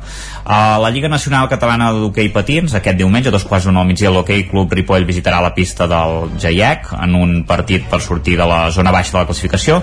Ara mateix el Ripoll és 13 de, de 14 equips, amb el Caseller de punts a 0, que evidentment doncs, acaba de començar la Lliga i són els mateixos que té el Gaiec, que és novè perquè també va perdre, però està per davant per una millor diferència de gols. I per acabar, dir-vos que aquest cap de setmana se celebra la segona part del tercer festival de Hike and Fly al municipi d'aquí de, de Sant Joan de les Abadeses. El dissabte es farà una sortida popular guiada amb un desnivell assequible i amb assessorament sobre com afrontar una jornada de Hike and Fly. Es faran dos grups segons això, les aptituds. Això, Hike and Fly, no, no, tu, inventes, sí. tu inventes, Isaac, vols dir? No, existeix aquí Sant Joan, en vam parlar eh? l'altre dia. Sí, sí, no, ja ho sé, sí. ja, però... I és molt espectacular. Com que només te'n sento parlar tu, penso això s'ho inventa. Oh, és que no tenim un entorn tan privilegiat a la resta de comarques com aquí al Ripollès per practicar-lo, clar. Molt I bé. tenim Serra Cavallera. Uh, doncs això, a Serra Cavallera, a, a la nit es farà una petita caminada fins a, fins a aquest vivac per pujar el diumenge al Puig Estela, de Serra Cavallera, i diumenge hi haurà la competició popular sense classificació amb una quarantena de, de participants, com ens va explicar el president de l'entitat en Xavier Sant Fulgencio l'altre dia, i es marcaran les balises i el recorregut en una aplicació. Això és apte per tots els nivells i com també ens va dir en Xavier Sant Fulgencio doncs no es pot abandonar en qualsevol moment de la prova que no, no tingueu temor si us hi apunteu i no, no arribeu un altre cop a, a Sant Joan de les Abadeses i no m'ho invento, eh? existeix, el Hike and Fly existeix però per començar has de tenir parapent, eh? No, no, no, no... Has de tenir parapent, sí, no és barat a l'esport. No, no, vull dir que això sí no que és és com de qualsevol ara mateix, diguéssim. I, i córrer, i, i, i córrer i tenir bona forma física, també. Està clar. Sí, sí. Gràcies, Isaac, parlem d'aquí una estona. Fins d'aquí una estona. Tu coneixies això, el Hike and Fly, eh, Guillem Sánchez? Jo ho coneixia i de fet tinc una anècdota també quan treballava a, a una altra, a una altra A banda del Ripollès, correcte, clarament. que ens va aterrar un parapent just al, al costat de les instal·lacions un dia a la tarda i vaig acabar portant a la persona que va baixar del parapent fins a Sant Pere de Torelló perquè venia de Bellmunt, evidentment aquell, aquell ah, bon veus, noi Veus, Isaac, també es fa, també es fa aquí, això. i ens, va, i ens va demanar si Sí, sí. amablement el podíem acostar cap a la vall del Gès i vaig dir, home, evidentment només faltaria, només faltaria. és la meva relació eh, amb el vol no, no hi ha res més no hi ha res més aquí Darcy, gràcies, Isaac. Fins ara. Adeu, fins ara. I esportivament parlant, què hi tenim a la comarca d'Osona, Sánchez? Doncs mira, tenim un partit important aquest diumenge a partir de dos quarts d'una del migdia, ja que el Tona del grup 5 de tercera federació de futbol s'enfronta contra el Vilafranca. De fet, és un duel important perquè eh, jugaran dos equips que han sumat els sis primers punts en aquestes dues primeres jornades de, de Lliga, els homes de Ricard Ferrés amb una victòria a fora i una a casa i intentaran buscar aquest segon triomf com a, com a locals aquest cap de setmana per intentar eh, quedar-se a la part alta de la classificació hem de dir que ja la temporada passada van fer un molt bon inici de temporada que llavors els va permetre a la segona volta no acabar de treure gaire bons resultats i no haver de patir massa per mantenir aquesta categoria. Per tant ani animem el, el Tona a anar traient bons resultats com dèiem, en aquest cas diumenge, dos quarts d'una a casa contra el Vilafranca. Qui vulgui veure futbol Uh, també es pot desplaçar el diumenge a les 12, mitja hora abans, al camp del Vic Riu Primer, ja que el conjunt femení, el de tercera federació femenina, juga contra el Collarense B, en aquest cas amb una situació una mica diferent, ja que el Vic Riu Primer no ha sumat encara cap punt en les dues primeres jornades de la competició i rep al migdia un equip que sí, que de moment està invicta en aquesta primera part de la temporada. Per tant desitjar també tota la sort a les noies de Cristian Donaire per sumar els primers punts de la temporada. Aquest cap de setmana qui vulgui veure el Vic o el Manlleu de la Lliga Elite o de Primera Catalana s'haurà de desplaçar. En el cas del Vic també juga diumenge al migdia al camp de, de l'Horta. Recordem que es va estrenar en Lliga amb una victòria per 1-0 l'altre dia a casa, mentre que el Manlleu, que també va guanyar 1-0 en la primera jornada de Lliga, buscarà la segona victòria, aquest cas el dissabte a dos quarts de cinc al camp del Bosch de Tosca. Per tant, tota la sort del món per als equips usonencs de futbol de les màximes categories. Uh, T'agrada l'hoquei també, Isaac? M'agrada tot.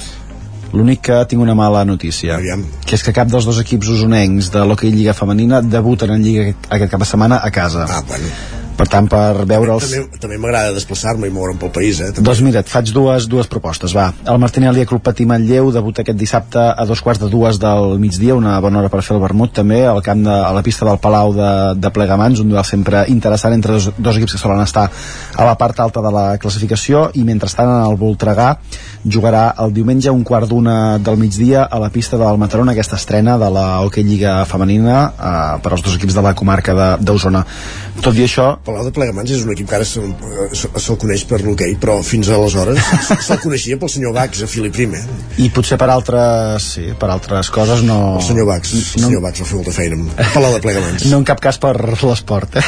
no. Uh, també tenim segona jornada de la Lliga Catalana Plata en la fase de, de grups. Aquest dissabte a dos quarts de sis de la tarda el Club Patí Taradell visita la pista del Congrés, mentre que el Club Patí Vic sí que té partit a casa. El diumenge a dos quarts d'una del migdia repen al seu casa l'Arenys de damunt. També tenim cita amb el bàsquet, Isaac. Ja. Primer partit de la temporada a casa de la Lliga Catalana i va per al Club Bàsquet Vic, Universitat de, de Vic, després de perdre a la primera jornada a fora, aquest dissabte a partir d'un quart de nou del vespre, els homes de Sergi Fortes tenen l'oportunitat de sumar la primera victòria, jugant contra un sempre complicat joventut de Badalona. Per tant, qui vulgui veure bàsquet i de nivell, que es desplaci al pavelló del Castell d'Emplanes, a un quart de nou aquest dissabte per veure el Club Bàsquet Vic. Però és que també tenim tenis taula de, de nivell. Tenim la primera, el primer stage que en diuen de l'European Champions League Women que disputa el Girbau Vic TT en aquest cas també ens haurem de desplaçar una mica si els, si els volem veure. Aquí ja no dic qui arribi eh? Uh, a Reus és una mica més complicat a Reus. No? Wow, parlant de la Champions em podria pensar qualsevol punt d'Europa vull dir que, en fi... no, doncs mira, encara no agafant no, el cotxe Reus encara arriba, sí, sí doncs mira, tenim diferents partits del Girbau Vic tenis taula, uh, de fet avui a les 12 juguen contra un conjunt francès, el Gran Quevillí sí. Gran Quevillí Avui a les 7 de la tarda també s'enfronten contra el Reus i eh, demà dissabte a partir de les 4 ho fan contra el Plus Hodonin, que és un conjunt de la República Txeca. Espero, espero que ho hagi pronunciat bé, eh? Jo també. Va, i l'última cita, Isaac.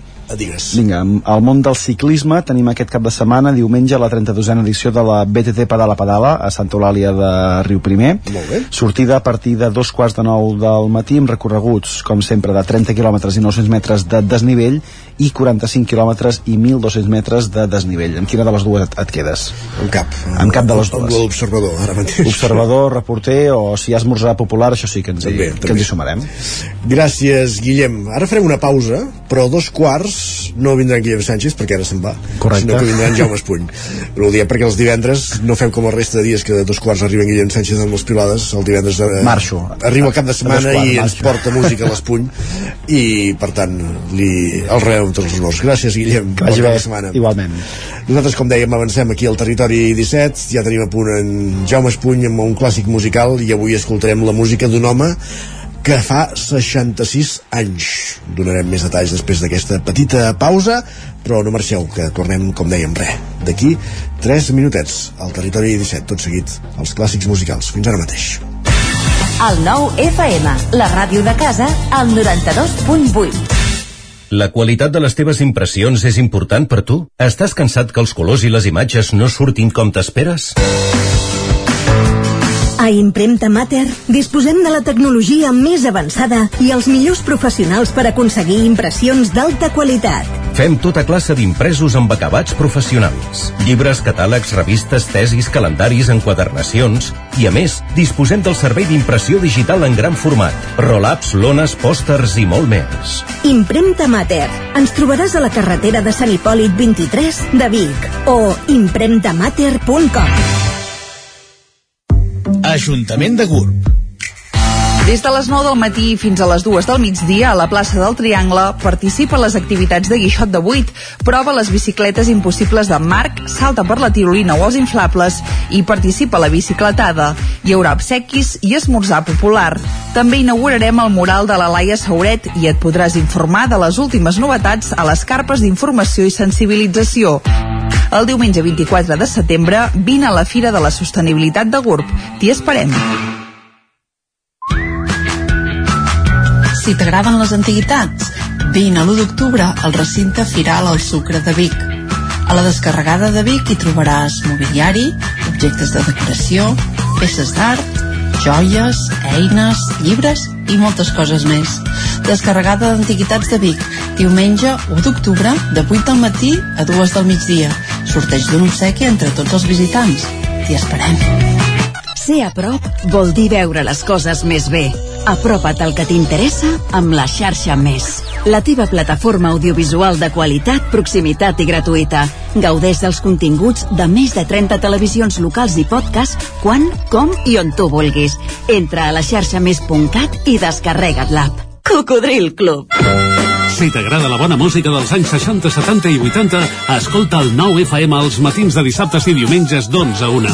És el temps del Cocodril Club, tot un clàssic de la ràdio, amb les bases del pop-rock, les llegendes, les cançons que s'han convertit en autèntics himnes. Recorda, dissabtes i diumenges al matí, d'11 a 1, al 9 FM 92.8. Cocodril Club, el programa revival de l'Albert Malla. Hasta luego, cocodrilo. Cada dimarts a les 11 de la nit, al 9 FM, repàs de l'actualitat esportiva a la banqueta.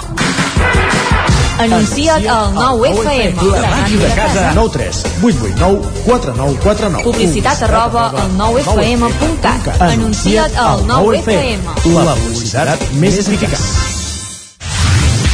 El 9 FM, el 9 FM, el 9 FM. En punt, dos quarts d'onze, clàssics musicals al territori 17.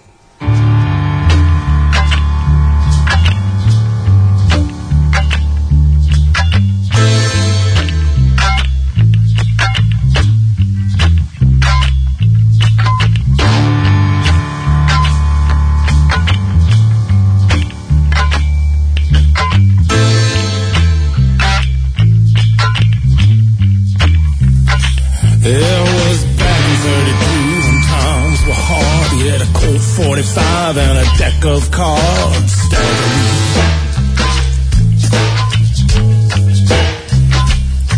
He wore rat-drawn shoes and an old Stetson hat. Had a 2840, had payments on that. Staggering.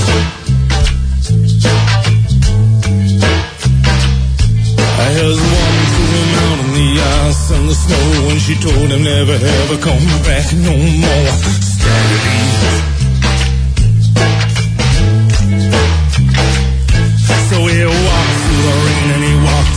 From dearly came to a place called the Bucket of Blood.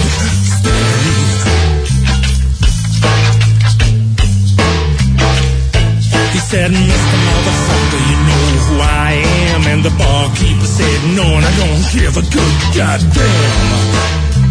To Stagger Lee. Jaume Espuny, benvingut, bon dia. Molt bon dia. A més, dius que aquest senyor que sentim cantar fa 66 anys. 66 anys, és en Nick Cave, i avui els fa 66 anys.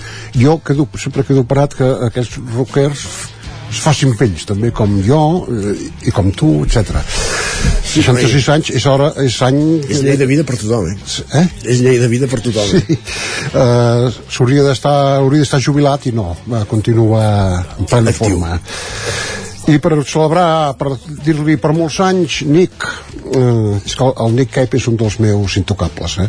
També. Eh, per molts anys, doncs, hem portat un disc molt tètric, que es fa, fa una mica de por dir això perquè els dis, el, el Nick Cave és un senyor força tètric a sí. les cançons doncs aquest potser és el més tètric que és Murder Ballads Ballads és a dir, balades d'assassinats mm. i són 10 cançons, 9 de les quals parla d'assassinats, com aquesta que estem sentint ara. I la desena? Eh? I la desena? Has dit 9 d'elles? La desena ja en parlarem, però ja la posarem, és una mica més optimista, eh, no hi ha assassinat allà. Eh, aquesta és Lee, i ara sentirem la que més famosa del disc, que la canta amb la Kylie Minogue, australiana eh, com ell, australià, que parla eh, que eh, va ser molt vist un videoclip sí, eh, als anys 90 que és molt, molt romàntica a més a més. Va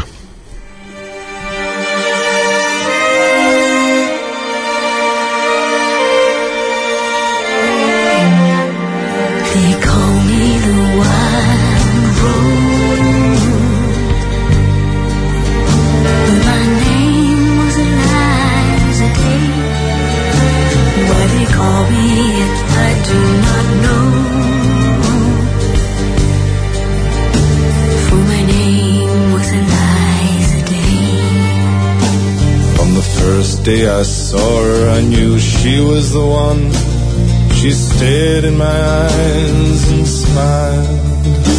Her lips were the color of the roses that grew down the river, all bloody and wild. When he knocked on my door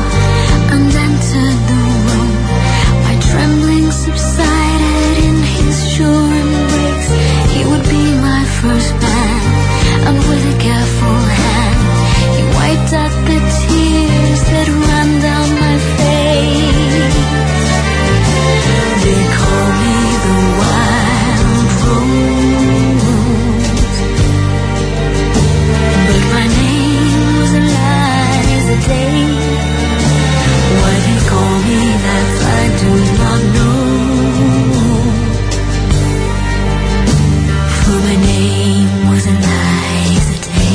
Maquíssima aquesta cançó. Sí, i la veu de la Kelly Minogue és molt maca. Sí. La cançó es titula Where the Wild Roses Ground, que vol dir més o menys on creixen les roses silvestres, i és una noia que l'explica, el fantasma d'una noia, diríem, perquè està morta, i explica amb un altre, amb aquest senyor, que és el Nick Cave, que un home la va matar al bosc i que del seu cos han nascut roses. Una cosa una mica tècnica. També, el disc també surt per aquí la Peggy, Peggy Harvey, sí. també canta alguna cançó, i com sempre el grup del, del Nick Cave, The Bad Seeds, és un nom que m'agrada molt, Les males llavors. Eh, escoltarem ara la, la penúltima cançó del disc, que són 14 minuts, 160, exactament 160 versos, per explicar eh, una baralla que, com, que comença en un bar i acaba amb una matança horrible. Es diu My Lace o Bar.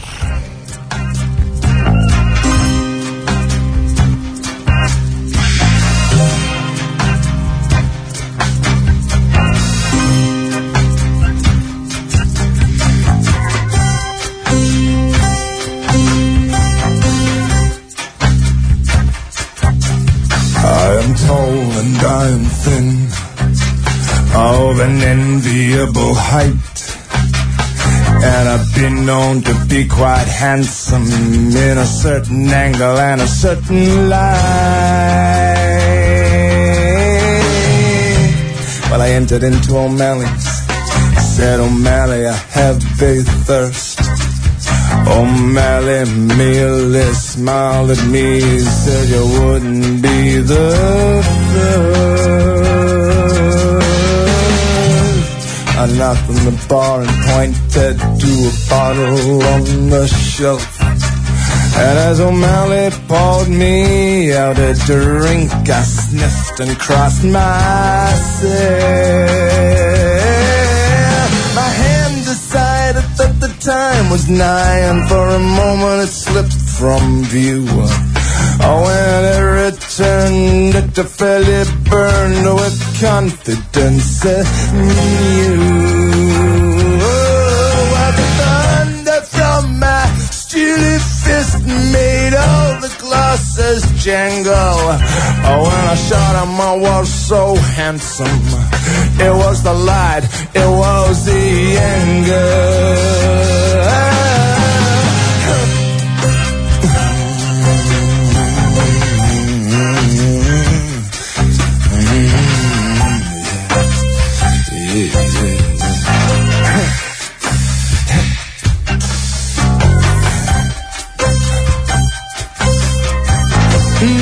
I cried, friends I screamed, I banged my fists upon Doncs ja ens fem l'imatge de la baralla al bar. Eh? Ja ens fem l'imatge de la baralla al bar. També molt to de la cançó. M- Més tard arriba la policia amb un megàfon que diu un moment, pareu ja. uh, bé, després d'aquestes nou, que dèiem abans, després d'aquestes nou cançons d'assassinats, l'última, la desena, a mi Nick Cave se li va acudir acabar amb una mica d'optimisme i va agafar una cançó de Bob Dylan mm. eh, per posar-hi això, una mica d'optimisme que el, el títol de la cançó, eh, de la cançó és Death is not the end o sigui, la mort no, No és és el el final. I està molt, el, a mi m'encanta aquesta versió m'agrada molt eh, perquè canten tots una estrofa cada un el Nick Cave, els del seu grup alguns no saben cantar gens i la Minogue també una versió la, ai, una, una, una estrofa a la Pija Herba etc. escoltem-la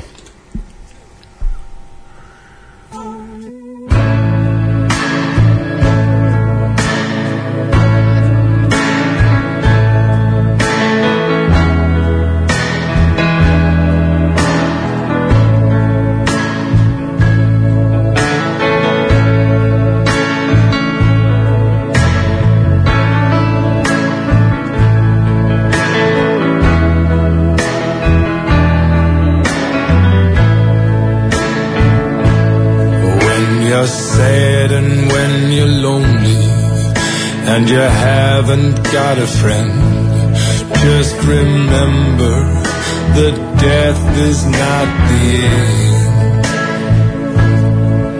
And all that you held sacred falls down and does not mend. Just remember that death is not the end.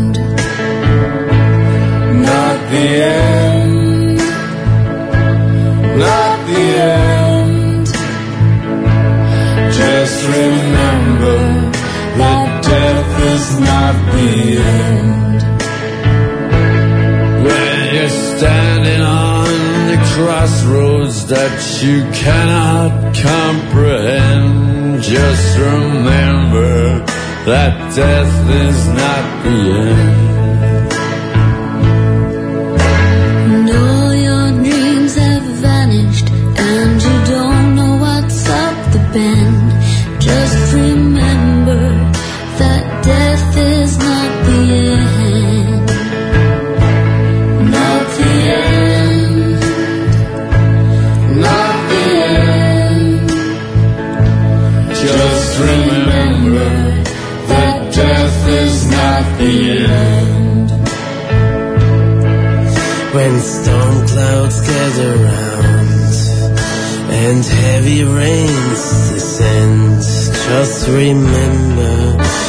Death is not the end.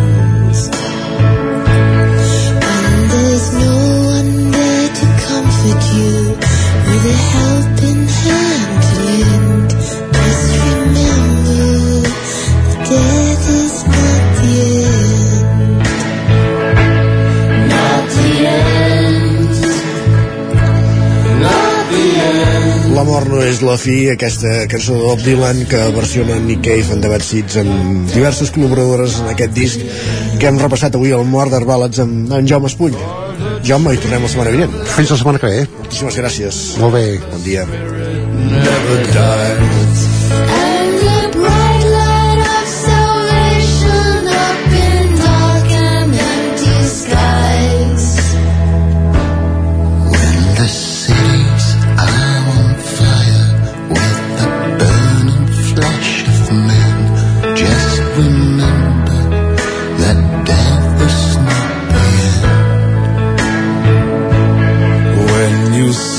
Search in vain to find some glory biding, Territori 17. just remember.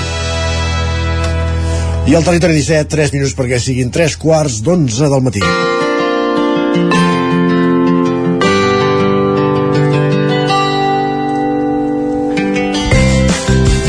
I és moment per repassar els actes més destacats de l'agenda del cap de setmana a les nostres comarques. Ho fem amb roda per les diferents emissores del territori 17 i comencem el recorregut als estudis de Ràdio i Televisió Cardeu. Enric Rubidó, benvingut de nou. De què Moltes gaudir- gràcies. De què podem gaudir aquest cap de setmana a l'entorn de Ràdio Cardedeu?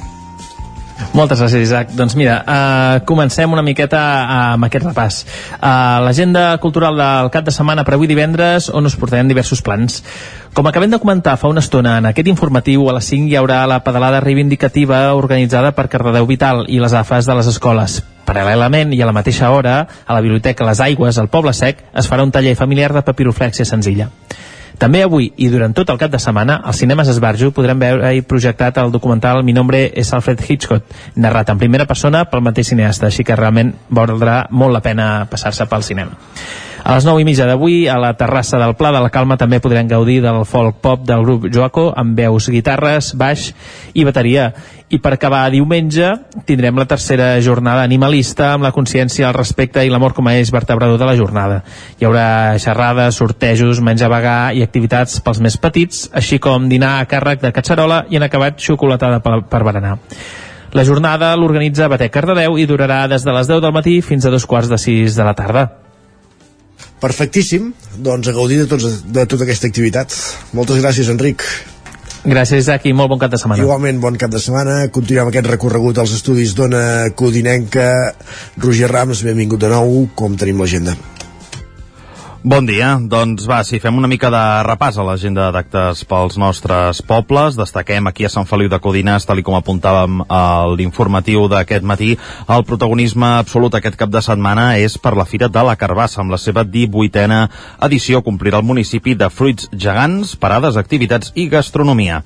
Si baixem cap a Caldes de Montbui, destaquem que aquest diumenge a les 8 del vespre, el Cafè del Centre acull un concert del duet Graui més Marta Cascales, un projecte de la cantant de The Crab Apples, Carla Jimeno i Marta Cascales, amb el pop intimista com a protagonista. A destacar que ja van actuar ara fa 3 anys a les festes de la Mercè de Barcelona. Anem ara cap a Vigues i Riells del Fai, perquè aquí també hi tenim la música com a protagonista, i és que el municipi viurà el seu segon cap de setmana del Festival de Jazz, que en aquest dissabte i diumenge diumenge portarà les actuacions del Rai Paz Quartet, Laura Simó i Francesc Capella Trio en aquesta localitat ballesana. A banda, diumenge al matí encara a Vigues i Riells hi ha la quarantena edició de la Marxa del Tenes, un passeig per la vora del riu Tenes entre diversos municipis ballesans. I com cada divendres acabem el repàs a la comarca del Moianès, destacant que aquest dissabte es fa una nova edició de la Fira d'Olis i Vins al municipi de l'Estany, mentre que a Castellterçol dissabte a les 9 del vespre l'Auditori del Centre acollirà l'obra de teatre als secundaris. Gràcies, Roger, i també bon cap de setmana. Gràcies a vosaltres, ens escoltem dilluns. Ens quedem ara amb l'Isaac Muntades a la veu de Sant Joan per repassar l'agenda d'actes al Ripollès. Bon dia, Isaac. Doncs tenim una agenda amb, amb forces activitats, de, de les més destacades, o eh, n'hi ha algunes que són més destacades que d'altres. Per exemple, avui mateix Sí, sí, la Fira del Formatge, que evidentment hi, hi serem perquè eh, ens agrada el formatge i, i s'hi ha de ser-hi. Aquí a, a Ripoll, eh, si vols comencem doncs, per la Fira del Formatge, que serà durant tot el cap de setmana, dissabte i diumenge. Recordem que hi haurà un total de 10 formatgeries, 5 de fora de la comarca i 5 de, del Ripollès, i el més destacat segurament són els tastets de formatge maridats amb cervesa, que es faran dissabte a la tarda i diumenge al migdia a la plaça de Lira per només 12 euros. En aquest cas es podran tastar 4 cerveses i 4 formatges diferents diferents i també hi haurà tallers eh, pels més petits d'elaboració d'ovelles de mató i de sabó. A banda es vendran doncs, tiquets per un preu de 5 euros que inclouran tres degustacions a escollir amb tots els formatges que, que us imagineu de, de, del Ripollès, que hi són pràcticament tots i amb alguns com Idiazábal o Torta del Casar o també algun formatge de, de Menorca. Per tant, una festa important, la Fira del Formatge. Uh, el que passa que avui també ja hem de dir-vos que aquest divendres comença el Festival Transhumant al Cinema Comtal de Ripoll, que és un festival de cinema que reparteix per una quinzena de poblacions. Era el que abans es coneixia el Terra Gullut Film Festival, Uh, i la majoria doncs, de, de projeccions doncs, es fan al Ripollès també n'hi ha al Maresme i a l'Empordà però la sessió inaugural, eh, que és la que es projectaran dos films que entren a competició en el festival, dels 198 eh, que s'han presentat, es farà, eh, com us deia, al Teatre Comtal de Ripoll.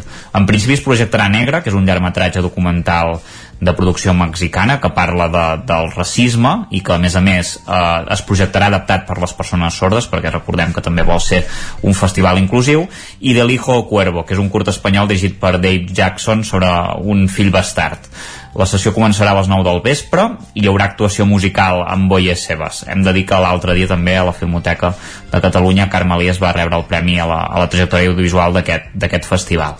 Uh, dos coses més per acabar. Aquest dissabte, Sant Joan de les Abadeses, ja ho hem repetit durant tota, les, uh, tota la setmana passada que vam tenir també l'alcalde Ramon Roquer per explicar-nos, farà la Festa del Grito, que comptarà amb parades de productes artesans amb gastronomia mexicana, hi haurà trencament de pinyates, espectacles de dansa i música i evidentment el moment àlgid serà a la tarda amb el Grito de la Independència a càrrec de la cònsul de Mèxic a Barcelona, Clàudia Pavlovich, que es farà al casal Jaume Nuno i aquest any una de les novetats és aquesta conferència a l'Espai Art 360 del crític i traductor Sam Abrams que parlarà doncs, sobre el poeta català exiliat Uh, sobre un poeta català exiliat a, a Mèxic. Uh, aquestes són les activitats una mica de la Festa del Grito i a Can Bànol també dir-vos per acabar que la torre de, de mossèn Tor aquest cap de setmana, això és dissabte a les 8 del vespre hi ha un concert al Jardí de la Torre amb Yanesi, que és una cantant de soul, funky, pop i ritmes llatins que va ser finalista del Got Talent i del programa televisiu La Voz, per tant, doncs, una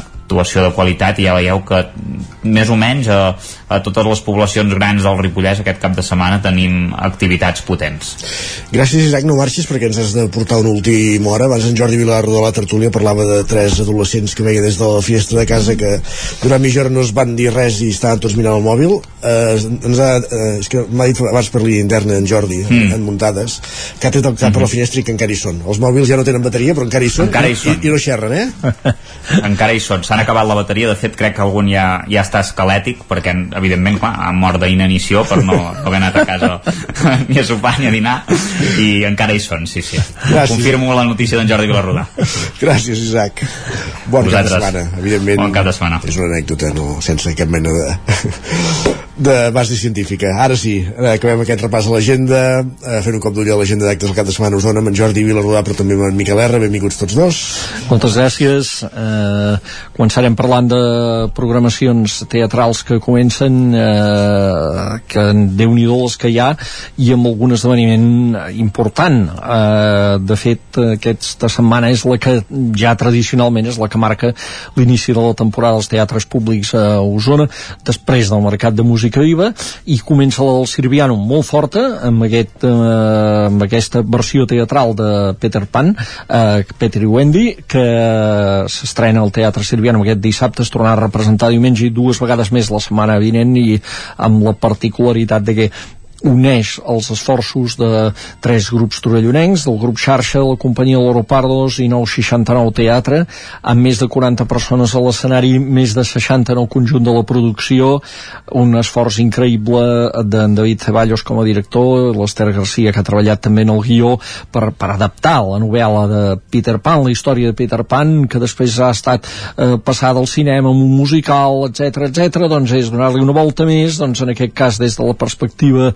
dels grups torellonencs eh, i, i que han estat treballant durant els últims mesos amb molts detalls amb, amb una part audiovisual també amb un personatge que serà només virtual el de la campaneta, per exemple amb música feta expressament per en Xavi Capdevila eh, amb actors que volaran literalment sobre l'escenari és a dir, val molt la pena Hem sentit no... abans el tall de, de l'actor que fa de Peter Pan que ja ha dit que això de volar no li feia cap mena de gràcia cap mena de gràcia sí, sí, sí, sí. però anirà, anirà ben format segur, anirà ben format i serà, afegirà espectacularitat. En Roger Diego és un, eh, és un eh, jove un jove ja amb molta trajectòria en el teatre que, que segur que ens sentirem a parlar eh? és molt jove i, i fa molt de temps doncs, que ja està fent teatre això el Sirvianum, perquè a l'Atlàntida tenim un altre, un altre fenomen que ho peta, que és el d'en Peyu amb la versió teatral del seu programa de ràdio El Búnquer, del programa de ràdio que fa amb en Jair Domínguez i la Neus Rossell que es representarà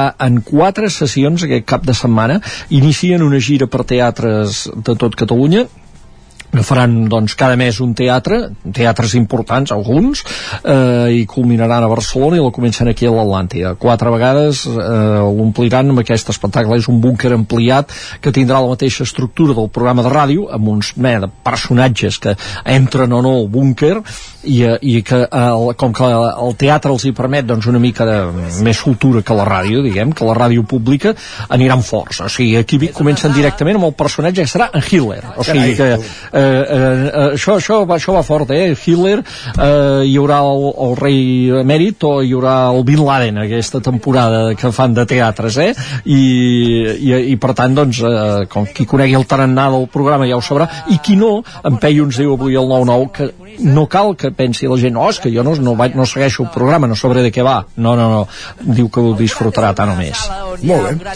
I després, I després també tenim a l'Atlàntida avui una segona representació perquè ahir es va fer la primera de uh, Fitzroy, Quatre dones al límit, que és una obra en text d'en Jordi Galceran, direcció d'en Sergi Balbel, per tant un gran tàndem, uh, amb actors, amb actrius, vaja, com la Sílvia Bel, la Mira Miscla, uh, quatre dones que estan pujant una muntanya a la Patagònia i que llavors comencen a, a decidir a veure si val la pena posar-se en risc, si no val la pena posar-se en risc, etc. però tot amb un to de comèdia, de fet és ple, ho diem, però avui les entrades estan exaurides ja per veure aquest vespre a l'Atlàntida.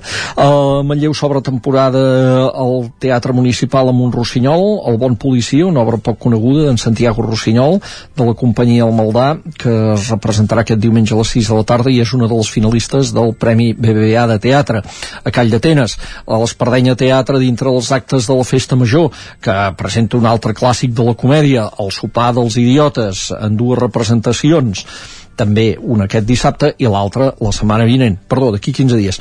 I, eh, no, la setmana vinent, setmana vinent deia malament, i la Polivalent de Ceba una altra sala que obre temporada en aquest cas amb música, amb el duet Uller i Guerra, que precisament avui presentaven un single del seu disc amb composicions pròpies, base jazzística etc etc i Víctor Uller al piano, Jaume Guerra al contrabaix i la veu això són obertures de temporada teatral que hi ha aquest cap de setmana i que a més a més doncs, hi podríem afegir encara que hi haurà concerts a l'Hòstia sobre Munt dintre del cicle musical Intrus i una segona edició del festival més multicultural, l'Esquirol, tot el dissabte amb activitats de col·lectius de, de procedents de diferents països que tenen eh, gent doncs, que, que viu a Osona i música, activitats gastronòmiques, danses, etc durant tot el dissabte a la zona esportiva de l'Esquirol i fins aquí arribem. Déu-n'hi-do, eh? Uh, qui no... No, Déu-n'hi-do la setmana, no ens eh? oblidem pas aquest No, no, gens ni mica. Activitat per parar un tren. Tot el que no es va fer la setmana passada perquè es feia el mercat de música. Exactament, tot, tot esclata ara. tot esclata ara. Miquel R, sorprèn-nos, va. Sí, encara no estem. Veus? Um, encara no estem perquè el cap de setmana encara és cap de setmana de festes majors, una mica de cavall. Demà eh, encetem oficialment la tardor, però les podríem encara qualificar de, de les últimes festes majors d'estiu. Eh, algunes ja estan en marxa, algunes han arrencat. Eh, de, començaria destacant la de Roda per volum, eh, la de Roda que en escaure és el dia central de festa el dissabte, aquest any l'han concentrat molt per tant són en tres dies eh, són una trentena de propostes i per tant ja per triar i remenar, també molt, algunes pràcticament se solaparan. Eh, recomanaria ja aquest vespre per exemple treure el cap a dos quarts de nou del vespre al pregó que fa el nostre excompany Joan Serra. Eh, segur que serà divertit. Actualment al, al diari digital Nació eh, tot seguit sopar de colles i un dels clàssics el correfoc amb la colla local els Diables del Pont Vell que precisament eh, ahir al vespre van estrenar una colla infantil per tant No, la fam- Això no va ser ahir, que vaig trobar el carrer tallat. Ah, doncs ahir van estrenar la colla infantil, per tant van creixent, eh? van creant base, van, van fent pedrera, i aquest divendres els hi toca, diguéssim, als adults, que faran l'habitual espectacle també començant des, de, des del mateix pont vell que els dona nom. A partir de mitjanit, doble, doble, doble fa- faceta de concerts, Sedac i Clima davant de la carpa, i els grups Monges i Flashy Ice Cream a la Guingueta, per tant mm, es podran desdoblar el jovent entre les dues propostes. Um, dissabte hi haurà també els actes més tradicionals, l'ofici, cerca Vila de Gegants i a la tarda des de l'inclassificable Quinto Bike, que no, que, que no hi falta mai, espectacles infantils i la presència destacada no, que es repeteix, diguéssim, a roda de l'Orquestra Meravella amb el doble format de concert i ball al vespre amb més concerts a la carpa i també a la Terrorífics Band, tot un clàssic també de les nits de festa major a roda. Mm, Diumenge ha també, ja dic, per triar i remenar des de la ruta literària Martí i Pol, eh, un clàssic, a una proposta d'observació del sol al matí, al migdia dinar popular, a la tarda eh, segona sessió de l'obra Un funeral per morir-s'hi, que presenta la, la, la companyia local, Teatre Reus, i per anar tancant la nit un dels plats fort, un dels caps de cartell de la festa major d'aquest any, que és la presència de la Joana Serrat. En aquesta ocasió en format trio a les 8 del vespre al passeig del Ter i tancarà, com no, el rodent Toni Gage amb el seu habitual espectacle de llum i tro ja de nit però hi ha més, eh, bueno, no ens oblidem també que és cita castellera obligada, la del diumenge al migdia sí. uh, ja, ja no podrem veure la tradicional enfrontament amb els nyerros perquè va desaparèixer aquesta colla, però sí que els segals aquesta vegada acompanyats de castellers d'Andorra i marrecs de Sal la, la tenen situada com una de les, de les actuacions importants de la temporada uh, més festes majors festes, Ràpidament. uh, festes majors també a Sant Pere de Torelló, un cap de setmana molt intens en aquest cas l'allarguen fins dilluns i festa major a Vidrà amb la presència estrella de Joan Pere diumenge al vespre per tancar també el programa que, que en aquest cas també s'allarga fins dilluns. Re, i finalment Call d'Atenes que ja la va començar el cap de setmana anterior. Arribem a també al gruix principal d'activitats aquest cap de setmana. Eh, mireu l'agenda perquè n'hi ha per triar i remenar. Gràcies, Miquel. Bon cap de setmana. També. bon cap de setmana. I nosaltres que acabem també el Territori 17, hem començat a les 9, us hem acompanyat Víctor Palomar, Jordi Vilarrodà, Gemma Permanyer, Pepa Costa, Guillem Sánchez, Jaume Espuny, Enric Rubio, Roger Rams, Isaac Muntades, Miquel R, Sergi Vives i Isaac Moreno. I tornem dilluns. Fins aleshores. Gràcies per ser-hi i bon cap de setmana. Adéu-siau. Territori 17, un magazín del nou FM, Ona Codinenca, Ràdio Cardedeu, Ràdio Vic i La Veu de Sant Joan, amb el suport de la xarxa.